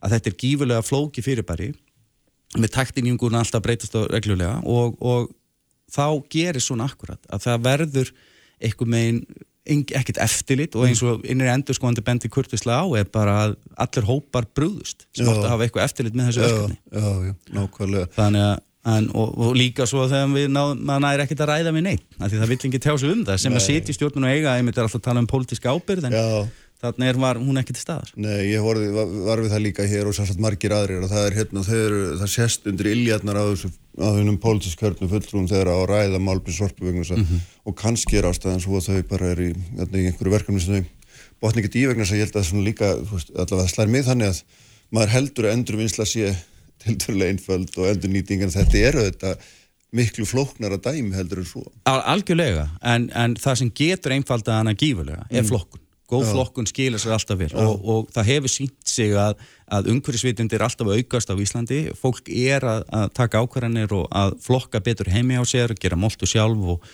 og alls konar og það er það sem kannski hefur verið, fólk hefur verið að spurja sig sko að, hefði mátt nota þessi 5,5 miljard í eitthvað annað heldur en þetta mm. hvet, betra flokkurinn kerfi, hvetja fólk til þess að endurvinna og nákvæmlega sveitafélun okkar eru alltaf að ná að gera já, betur heldur, en, heldur en staðsti parturinn af þjóðunum sem er hörbruksveið En sko hérna, fegst einhverju svona, nærði einhverju mynd á það af hverju menn ákveða að fara í, fara þessa leið? Þar að segja að flokka, að láta einstaklingana ekki flokka sorpi í Reykjavík versus hini staðinni þar sem við höfum séð að það hefur gengið svo verið. Sko í samtölu mínu við fyrirverandi starfsmenn Sorpu og, og annað þá verðist alltaf að það vanta alltaf töfralaust mm. og töfralausni var að geta bara unni úr blöndu um úrgangi. Og innan Sorpu var eitthvað með þeirra svo trú að það var ekki treyst fólki að flokka. Að, myndu aldrei, að við myndum aldrei geta gert það og munum aldrei gera það. Mm. en því miður þá sína dæmin annað ellendis og, og, og meiri seg hér á Íslandi og öðrum sveitafélum þannig að það aldrei neittni fundagerð stendur nákvæmlega hver ástæðan þetta sé. En, en það er talað um kostnað að þetta sé ódýrar að gera þetta svona Já. en því meður í dag er svo ekki orðið Nei. að því þetta er orðið þá er raun og veru mögulega dýrara heldur en að fa hefði farið í, í, í gott flokkunarkerfi Mm. Og, og hérna, sko, þessi upphala fjárhásáallin ef mann rétt er eftir 3,5, hvað, 6-7 miljardar? Já, það er raun og veru er, sem er kemur 2016 Já. það er sem sagt ef við framkvæmdur en upphaflega þegar uh, samtök sveitafélag höfbruksvæðinu samþykja að þetta eigi að fara í þá er þetta 2 miljardar Já. Og Þannig núna stendur þetta í í einhverjum... fimm, komið upp í 5,3 og samkvæmt okkar heimildum er þetta að fara í meira Mhm. og, og sveitafélaginu er búin að skuldbundast mörg hundru miljónir fyrir fyrirtæki skuldast að fyrirtæki sem er virkilega slæm og að því í fjárhásáallin er áallega þessi stöðmyndi skila á sér tekjum Já. það má ekki gleymast nefna Er, er það alveg fram á síðustu ári eða hvað? Já, það er alveg bara þangað til uh, gamli uh, síðustu fjárhagslaldum að gerð og Já. tilkynningu stjórnar að þetta myndi alltaf skila af sér einhverjum fjármunum Mhm. en því miður þá virðist það ekki vera að fara að gerast með að við að það er ekki það mikil vöndun af með, fyrir metangas Nei. Er, er, bara svo ég átti með þessu, Mhm. er metangasið hérna, er það svona tekju drýgraðin með hitt á að gefa, er það ekki moltuna eða hvernig? Já, moltun á að gefa til þess að raun og borga ekki urðunar gjaldið Já, og þar já. lendir sparast peningur að þau þurfa, Aha. þeir rukki fyrir að taka inn sorpið en þeir borga ekki til þess að losa við það vegna þess að það er bara ókipis molta sem fer út um allt. Metagasi var drifkrafturinn til þess að keira stöðunni í hagnaði og sorpa á alltaf að skila hagnaði. Það er það sem að byggðarsamlega var gert. Já. Þannig að, að núna ertu komið byggðarsamlega sem er búið að skuldsetja sig það mikið að það mun aldrei í núverandi stöðu geta skilað hagnaði vegna þeirra skulda sem er búið að koma sér í út af byggingu gas og jægjörðstöðunar sem því miður er ekki að fara að skila þeim tekjum sem áallega var í fjárhásállun mm. vegna sölu og meðan og, það sem er náttúrulega ennþá fyndnar eða grállar eða þetta hér eins og við nefndum á þannig að það er annað byggðarsallar sem átti í raun og vera að vera kaupandinn sem fór bara einhver aðra leið. Akkurat, að, að það var ekki samræmið það á milli en, en það er náttúrulega kannski skiljanlegt að frá hönd sorpu, að, nei frá strætó að Já. þeir náttúrulega þurfa að spara sinn pening. Þannig að þeir eiga ekki að þurfa að niðugreiða mögulega eitthvað sem sorp er að framlega og, og ég talaði einmitt við frangundastjóri engareikis fyrirtæki sem var fyrst hér með metan á Íslandi. Og hann er hættur og hann sagði að þetta væri bara einhverju erfiðustu bílar sem þú þarft að vinna með. Það er varalhutur eru dýrir, viðgerir eru dýrar að þetta, þetta er svo sérhæft. Og þetta er ekki einfalt. Þannig að, að í raun og veru hefur þessi metangas þróun ekki farið eins og menn vonuðust til. Og, og eins og ég skrifu greinu að það mögulega hafa verið, menn vera bara veði á rángan hest. Já, en þetta er náttúrulega, er, er þetta að koma í ljós í dag eða hefur þetta ekki verið ljóst í nokkur ári eða hvað svona þetta, Sko þetta var náttúrulega orðið ljóst tiltölulega þegar það er fara í alvöru útbúðið. Mm -hmm. Þeir voru ekki búin að velja ækan heldur fóruð hann í hitt útbúðið að metani var svona að dragast aftur úr. Já. Teknilega séð, hagkvæmnislega séð og annað. Svo veriðist nefnilega heldur ekki heldur verið gert grein fyrir hvað þarf mikla uppbyggingu á innviðum til þess að koma þessu gas í dreifingu. Uh, í mínu samtölum við núverandi starfsmenn Sorpu var mér alltaf tjáð að þeir treystu því alltaf ekki að selja þetta. Þeir voru með hugmyndur um að selja álverun með þetta alltaf að selja efnalaugum með þetta og, og, og þess aftar en, en það var aldrei búið að tala um gera ykkur samninga, það var ekki búið að leggja neina leiðslur, þannig að þetta voru raun og veru einhvern veginn sem að fekk þetta eins og þetta væri eitthvað svona skíaborg sem að Já. menn notuðu til þess að selja þessa hugmynd að byggja þessa vesmjöðu að einn daginn mun þetta takast grandalösi velmeinandi pólitíkusar hafa kett þetta. Já, að því þeir eru náttúrulega ekki seffrænga þeir, þeir treysta á að stjórnandi sorpu viti hvað er að gera, yfirverkfræðingu sorpu og frangutastjóri sorpu á þessum tíma sem eru báði núna hætti störfum uh, seldu þessa hugmynd að þetta væri lausnin og metangasi væri lausnin og, og, og það hefur því miður skilu okkur í því að við sitjum núna upp með þessa stöð sem hefur kostað skakkarendu þennan pening sem er að fara framlega afurðir sem að við vitum ekkert hvað við eigum mögulega að gera við. Bara rétt til þess að ljúka þessu og síðan hérna þegar þú ert búin að vinna þetta allt sem hann þá að ferðu að reyna að leita svara hjá pólitíkusum og þeir bara tala ekki við þig eða vil ekki tala um þetta eða hvað, hvað, hvers konar viðbröð færðu? Já, ég fæ mismændi viðbröð ég, ég með Birki Jón, hann svona byrjar að, að aðeins að, tala við mig í byrjun Mm, sem er stjórnaformaður sem er núna? stjórnformaðurinn sem að í raun og veru bara eh, svarar einhver spurningum, bara tala um hvenar hann geti fyrir að tala við mig, hvenar Mm. þetta fyrir að, að, að mjög að leysast og þess að það er fyrir mörgum mánum og ég ákveða þá að, að það sem hann var ekki hættur að svara síma ég fór, fór á bæjarásfund Kópavóks og fór að spura um spurning og þá fór hann bara inn í fundarherbyggjur læstu eftir sér Já, já.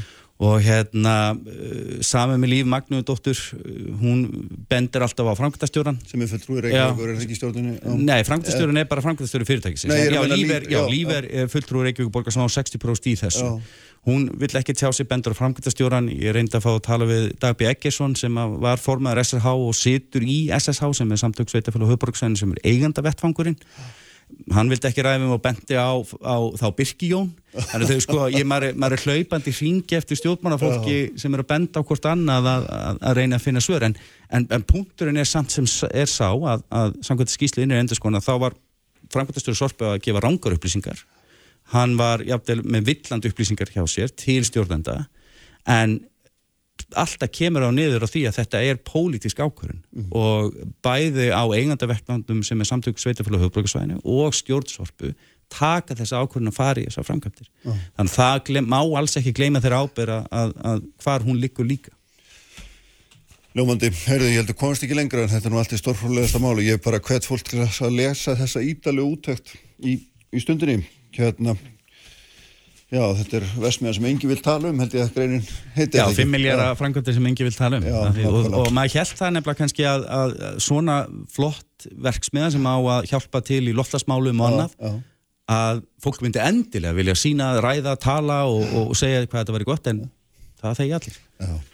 Herðu, Bjartmar, takk fyrir að koma. Þetta var hérna einn fróðlegasta yfirferð. Ég ætla að heyra aðeins í Bjartniði Hallsdóttur á eftir formanni SAF. Fréttir þjóðmál og pólitík. Sprengisandur á bylgjunni. Hlustaðu hvað sem er. Hvenu sem er. Bylgjan. Kraftmikil umræða alla sunnudaga. Sprengisandur á bylgjunni. Sælir eftir hlustendur, uh, þá er hann farin frá mér hann Bjartmar Oddur Þeir Alexandersson, blaðamar á stundinni eftir stórfróðlega yfirferð á þessum miklu, á þessum miklu útækt sinni á, á byggðarsamlæginu Sorpu og hérna byggingu jarð og gas og jarðgerða stöðvar þar sem að hérna uh, hann segir nú svona allavega kemst að þeir niðurstöða þarna hafi verið heldur ítla farið með fyrir almenning svo ekki sé nú meira sagt og þetta sé hérna í grunn bara sorg að saga hvernig þetta allt saman ég minnst okkur stendur í dag hvað svo sem að framtíðin ber nú í, í skauti sér. En í símanu hjá mig núna er Bjarniður Hallstóttir sem er, er frangandastjóri neinin, hún er ekki frangandastjóri hún er formaður SAF, ætlaði ég nú að segja samtaka fyrirtæki ferðarstjónustu, sælublessuð Blessaður. sko hérna e, langaði eins að heyri ég er vegna þess að nú er þessi fundur Æslandi er á, á föstudaginu, ég held að bæði ég og örgulega þú líka og margir aðri býðu eftir því að það eru einhver tíðindi sem svona myndu marka einhverja leiðin í framtíðina. Og svo gerist nú kannski ekki svo margt annað en að, að það var samþýtt að halda áfram þessu þessi leitað fjárfestum í eða, eða, eða nýju hlutafíði í félaginu. Hva, hvernig byggust þið ekki við einhverju meir og var þetta aldrei svona vonbreiði ekki á meira? Því að þú hefur nú talað um hversu gríðalega mikildagt þetta fyrirtæki sé fyrir ykkur ferðarþjónustum Já, þetta var náttúrulega hluta á fundur hjá Æslandi sem var uh, settur upp til þess að sækja umboð til þess að fara í hlutafjár útboð og það var náttúrulega samþýtt eins og allir vita og það hefur náttúrulega verið miklu meiri tíðindi að þetta hefði ekki verið samþýtt. mm. Þannig að það má í rauninni segja að þetta sé, hafi verið ákveð skref í jákvæð átt hjá félaginu í þessari þessari vegferð sem að, það er í núna við að, við að tryggja rekstra hæfið og samkjöfnishefnina. Og það er náttúrulega eins og þú hefur sagt mér skýrt að þá þetta hérna að þá er það algjörst líkil aðri er það ekki í, í allri framtíð að hérna það takist. Jú, við lítum náttúrulega svo á að, að Æslandir sé ryggjar stikkið í, í ferðarþjónust á Íslandi. Þetta er náttúrulega fyrirtæki sem er búið að starfandi ára tví og hefur byggt upp mjög öflugt leiðakerfi og mjög sveianlegt leiðakerfi og sem er bara grundvöldur í rauninni fyrir, fyrir þessari ferðarþjónustu sem við höfum byggt upp núna undanfaran ár. Þannig að það er náttúrulega gríðalegt áfall ef að, ef að þessar fyrirætlanir gengur ekki fram og félagi færi þrótt. Það er bara áfall ofan og áfall og myndi í rauninni tefi alla uppbyggingu hér á landi um ár, já allavega mánuðið ef ekki ár sko, þannig að, mm. þannig að þetta er gríðarlega mikilvægt. Þannig að þú, þú, svona, þú blæst á þessar hugmyndir um að, um að hérna, það geti bara einhver annar komið og tekið hérna, hlutverki yfir eða hvað? Já, það er náttúrulega ekkert sem við getum horta á til skamstíma, það er náttúrulega alveg ljóst. Æslandir er í rauninni tilbúið í starthólunum að hefja aftur flugum leið og, og eftir, eftirspurn glæðist og grundvöldu verður fyrir því að bjóðu upp á flugsamgöngur til og frá Íslandi. Og það er ekkit í sjónmáli neitt annar sem myndi taka það að sér sko þannig við erum alveg raunsæg mm. Og þannig að hérna, þessi svona erlendu flugfélag ég menna það eru auðvitað verið talað um það einhverju þeirra gætu hlaupið í skarði en, en þú svona hefur verið að benda á að hérna, það hefur náttúrulega ekki gæst þeirra á fóra hausinn Nei, það er ekkert sem við getum treyst á. Uh, þessi erlendu flugfélag sem hafa verið að fljúa hérna í gegnum tína þau hafa náttúrulega verið að fleita svona róman af, af háana tímanum og, og, og koma og fara svona eftir hvernig aðstæður eru. Þannig að það er náttúrulega bara leikið latrið að hér sé starfandi Íslands félag sem að, sem að hefur allt annan önnur tengsl og viðhór til áfangastæðarins Íslands heldur en erlend flugfélag myndir nokkur til mann hafa. Mm. Ég held að það sé alveg óumdeilt og, og kannski aldrei verið mikilvæg en akkurat núna þar sem að framöndan er, er gríðalegt uppbyggingastarf og, og við spyrna sem, sem að við bæði færa þjónustan og bara allt takkerfi þarf, þarf á að halda. Já. Og núna er þetta svona, við erum komin á þann stað allavega í lífuna, við hérna, við erum komin allavega svo langt út úr þókunni að við erum að horfa á 15. júni sem, sem svona opnun já, já. Og, og, og þá erum við líka að horfa á söpun tíma á, á einhverju nýðustöðu úr þessu hlutafjörútbóði þannig að það er svona skýrist nú kannski ennþá betur hvað, en, en svona, Já. hérna, hvernig líst ykkur á þessa dagsningu? Nú, nú hérna, hefur kannski hert í má, hérna, fyrir þættinum Kristjánssonu um að hann svona Já. var nú bara, var nú bara þokkarlega svona ánaði með þá dagsningu. Já, Já, okkur líst bara mjög vel á hana og þetta svona gefur svona einhverja smá sín inn í framtíðina að það geti eitthvað farið að gerast á, á þessum degi Þetta er rauninni kannski fyrir en við áttum vona þannig að, að þetta er vissulega ánægilegt fyrir, fyrir greinina að hafa þannig að einhverja möguleika um, um viðskipti allavega í sumar og, og inn í hösti. Já, og er, er hérna og þið hefði ekkert viljað gera þetta fyrir, þú, þið, þið hefði ekki verið með trýsting á það, þetta, þessu er þið, er þið hraðað eða eitthvað? Nei, samtök hverja þjónustan hefa uh, meðvitað ekki verið með neitt trýsting á, á þetta en er sko fjarið því okkar hlutverk við höfum verið með þrýsting á ímis önnur mál tengt faraldrinum en, en aldrei á, á þetta. Þannig að það er, það er annara verkarhinga að, að ákveða þetta. En það er náttúrulega ljóst sem að hérna, við sjáum það og þú sér það alveg eins og ég að hérna, fyrirtæki í sambærili stöðu annars þar í heiminum eru á nokkuð svaf eins og spánu ítalju með, með þrýsting og akkur ætti hérna, íslensk fyrirtæki ekki að beita því í sama. Já, það var bara meðvitu ákvarðun eh, samtaka okkar að gera það ekki. Hvað, mm. hvað aðra fjóður er að gera, það veit ég ekki. En, en, en mér finnst það óforsvaranlegt af, af, af samtökum eins og okkar að vera með þrýstingi þá átt. Þetta er heilbreyðismál eins og, og hagrænt mál, þannig að þetta þarf að spila saman og endanum er það náttúrulega heilbreyðisbættirnir sem að þurfa að vera taldir örugir til þess að þetta sé hægt. Hvað, hérna, hvað sérðu fyrir að geti gerst svona, veist, ekki 15. júni en svona upp úr því ef, að, ef við skulum svona gefa okkur það að þá, þá fari nú hérna eitthvað að glæðast og, og svona fólk fari að koma og að minnstakosti svona gera áallanur um að koma. Hvað, hvernig svona, að því maður sér mjög mismunandi sviðsmyndir alveg í að það getur verið 50.000 manns það sem eftir lifir mm -hmm. þá sumri eða 300.000, ég meina hvað, svona, hvað finnst þér að vera raunhæft með að við það sem þú þekkir til að hversu fljóttar hægt að fá fólk og allt það?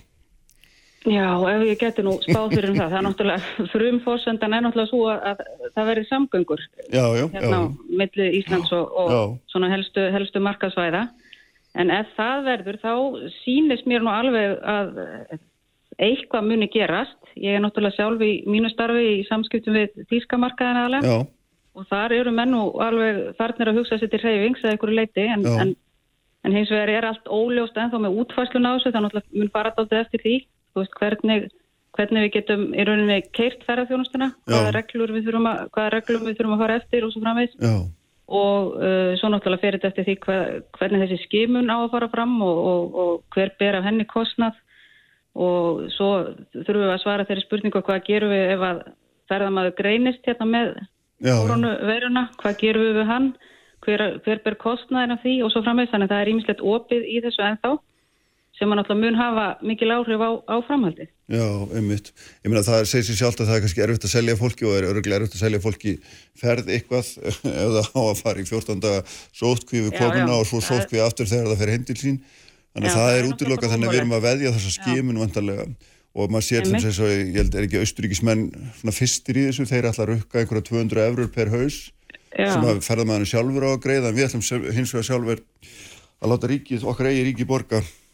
Já, það er allavega fyrirhuga að það verður svolítið til að byrja með Já. hefur nægt verið að gefa út hvað, hvað tekur síðan við og hver muni þá bera kostnaða þessu. Þannig að það er margt óljóst í þessu ennþá sem að, eins og ég segi, mun hafa áhrif á það hversu mikill ferðamannaströymurinn verður og eins og þú Já. bendir á auðvitað líka reglur annara ríkja Já, og svona fyrirmæli uh, annara þjóða til sinna þegna hvað ferðalög varðar. Já, akkurat. Kom þér ekkert á óvart allir þess að spánverið að vera að opna svona snemma með að hvernig staðan hefur verið þar? Allir með eins og í samanbyrði við okkur sem, að, sem við höfum svona handlað þetta mun betur getur maður sagt. Jú, jú, það, það má alveg segja það sko en, en, en þarna er ferðarþjónustan er náttúrulega gríðarlega mikilvæg á spáni og sjálfsagt hafa þeir tekið þá ákverðun að, að hérna láta þann þátt ráða til þess að bara bjarga, bjarga sínu hagkerfi þannig að, eh, en jú, jú, það má alveg segja það að maður sé, sé hissa á þessu en ég veit nú reyndir ekki, ekki, ekki útværskluna hjá þeim hvort þeir eru opna fyrir alla eða, eða opna bara strenduna sína, það er svolítið óljósa fréttir Já, einmitt. En hérna, en jú vissulega, en, en hins vegar er þetta tilnefingin allstar, það eru allir að reyna að finna einhverja leið. Þetta hefur náttúrulega verið eh, gríðarlega mikið áfall efnahagslega fyrir allar þjóðir, þannig að það eru allir í þessum sporum sem við erum í að reyna að finna þennan gullna meðalveg sem þetta að opna á einhverju leiti Já, landamæri náttúrulega að taka, taka mikla áhættu Já, já, já, já, við eigum með áættun að finna hvað er hérna, hvað Hvað er svona forsvanalegt að, að gera. En, en hérna eins og þú, þú nefnir sér hérna aðan að þú, þú ert í samskiptum við þýskamarkaðin aðalega og, og hérna það er nú svona, það svona allavega meða við nágrann lönd þeirra þá þjóðurinn tekið strekar vel upp í þessu. Er, eru þeir svona þokkalega opnir á að, á að koma til Íslands núna eða, eða hvernig svona, Já, ég, ég hef þá tilfinningu. Það Já. er, eh, þeir náttúrulega lesa fréttir og fylgjast með og, og vita hvað árangur við höfum náð í, í baráttunum við veiruna. Þannig að það er það heildsalar sem til dæmis er að selja mörg lönd. Þeir sjá þess að möguleika í Íslandi sem er náttúrulega gríðarlega jákvæmt fyrir okkur. mhm, Svona ein lítil saga, ég fekk að mitt fyrirspurnum daginn frá, eða í vikunni síðustu frá samstagsæðla sem var með brúðhjón sem ætlaði að fara til Namibíu í brúðköpsferðið í ágúst og leista ekkert á það og, og þau voru sérst að kanna möguleiknum því hvort við getum tekið á móti þessu fólki. Þannig að þetta er svona lítil dæmisaga sem ég held að já, sé eitthvað sem að geti eh, svona sínt okkur aðeins fram á hvað er framöndan. já, akkurat og svo náttúrulega er, er í undirbúningi auðvitað einhver markasherferð sem að kannski getur nú skipta einhverju Já. máli líka hvernig svo sem hún auðvitað eh, kemst að stað það er að henni verður hlust á stokkunum, já, já. Já, já, en kannski til lítils meðan að hérna, samgöngunar er ekki komnar í í hérna að fullta staðættur Já, en hvað svona hérna aðeins á almennar nótum hérna Bjarni vegna þess að, sko, í þessar umræðu allir þá hefur þetta svona gís alltaf upp þessi eða gjós alltaf upp eða koma rattir um, um það að við höfum sett of of mikið, eða lagt of mikið undir í ferðarþjónustu og þetta hérna það sé gott að skera hana bara niður það, það sé bara, hérna, það sé bara eðlilegt og það sé betra að veðja á fleiri hesta og hérna, hvernig svona slæðir þetta þig? Já, þetta var náttúrulega ekkert sem gerðist meðvitað að ferðarþjónustan yrði, yrði svona stór. Það sköpuðist þarna skilirði eftir, eftir hérna efnahagsrunnið og, gósið eðallajökli sem að hleyftu þessari atvinnugrein loksins á skrið og ég get ekki síðan að það sé neikvægt þó ég get alveg samtitt það að við þurfum að hafa ekkin í, í fleiri körfum. Við höfum aldrei náð öðrum eins árangri efnahagslega heldur en eftir að ferðarþjónustan tók, tóku í sér. Þannig að ég held að við ættum að halda áfram að veðja á hana. Það er engin spurning með það. Þó við kannski viljum breyta eitthvað áherslum. Mm. Það hefur nú verið kallað eftir því og svo vinna svo sem komin á stað. Þó hún hafi farið í, í frost um meðan maður þegar, þegar allt fór í knút. Já, einmitt. Þannig að ég held að við verðum áfram ferðarþjónusturlandi. Ég held að það sé engin spurning og sé ekkert neikvægt við það. Ef Nei. við umgangust náttúruna og, og samfélagið af, af virðingu. Já, en kannski annars konar ferðarþjónusturland heldur en við, heldur en við vorum undir að síðasta. Já, það er alveg hugsanlegt, mm. en, en ég teisti mér ekki til þess að leggja mata það hvað verður eftir COVID í þessu frekar en öðru, svo sem það er að spá alls konar hlutum, en, en en það er alveg óljóft hvernig, hvernig spilast úrsæðsvöldu saman þeirra Já, já. Hvað hérna, svona, því laðu miklu áherslu á það á tímanbíla mistakostæði hérna að það væri hægt að, svona, sem þið kalluðu að svæfa lítil ferðarþjónustu fyrirtæki þannig að þau hefðu, getur umhallega svona skellt í lás og, og hérna, þurfti ekki að borga neitt og, og getur svona beðið af sér. Hvern, hvernig svona er staðan svona núna þessum vikum eða mánuðin eftir að svona þessar hugmyndir komið fram og og menn eru svona farnir að sjá fram í, í allar aðgerðinir og allt það. Já, þetta var svo sem ekki bara lítil ferðarþjónustu fyrirtæki sem við vorum að tala um, þetta bara svona heilt yfir. Mm. Nú aðgerði stjórnvaldi hafa vissulega hjálpað stórum hluta ferðarþjónustu fyrirtækina. Við vitum náttúrulega að já, það eru nánast allir starfsmenn í ferðarþjónustu á landinu í, eh, á hlutabótum. Það var mjög mikilvægt fyrsta skref og síðan, síðan það sem kom síðar og er náttúrulega ekki komið ennþá og ekki búið útfara alveg það er eh, greiðsla launa og uppsagnarfresti sem að mun líka hjálpa mörgum fyrirtækjum sem að mm.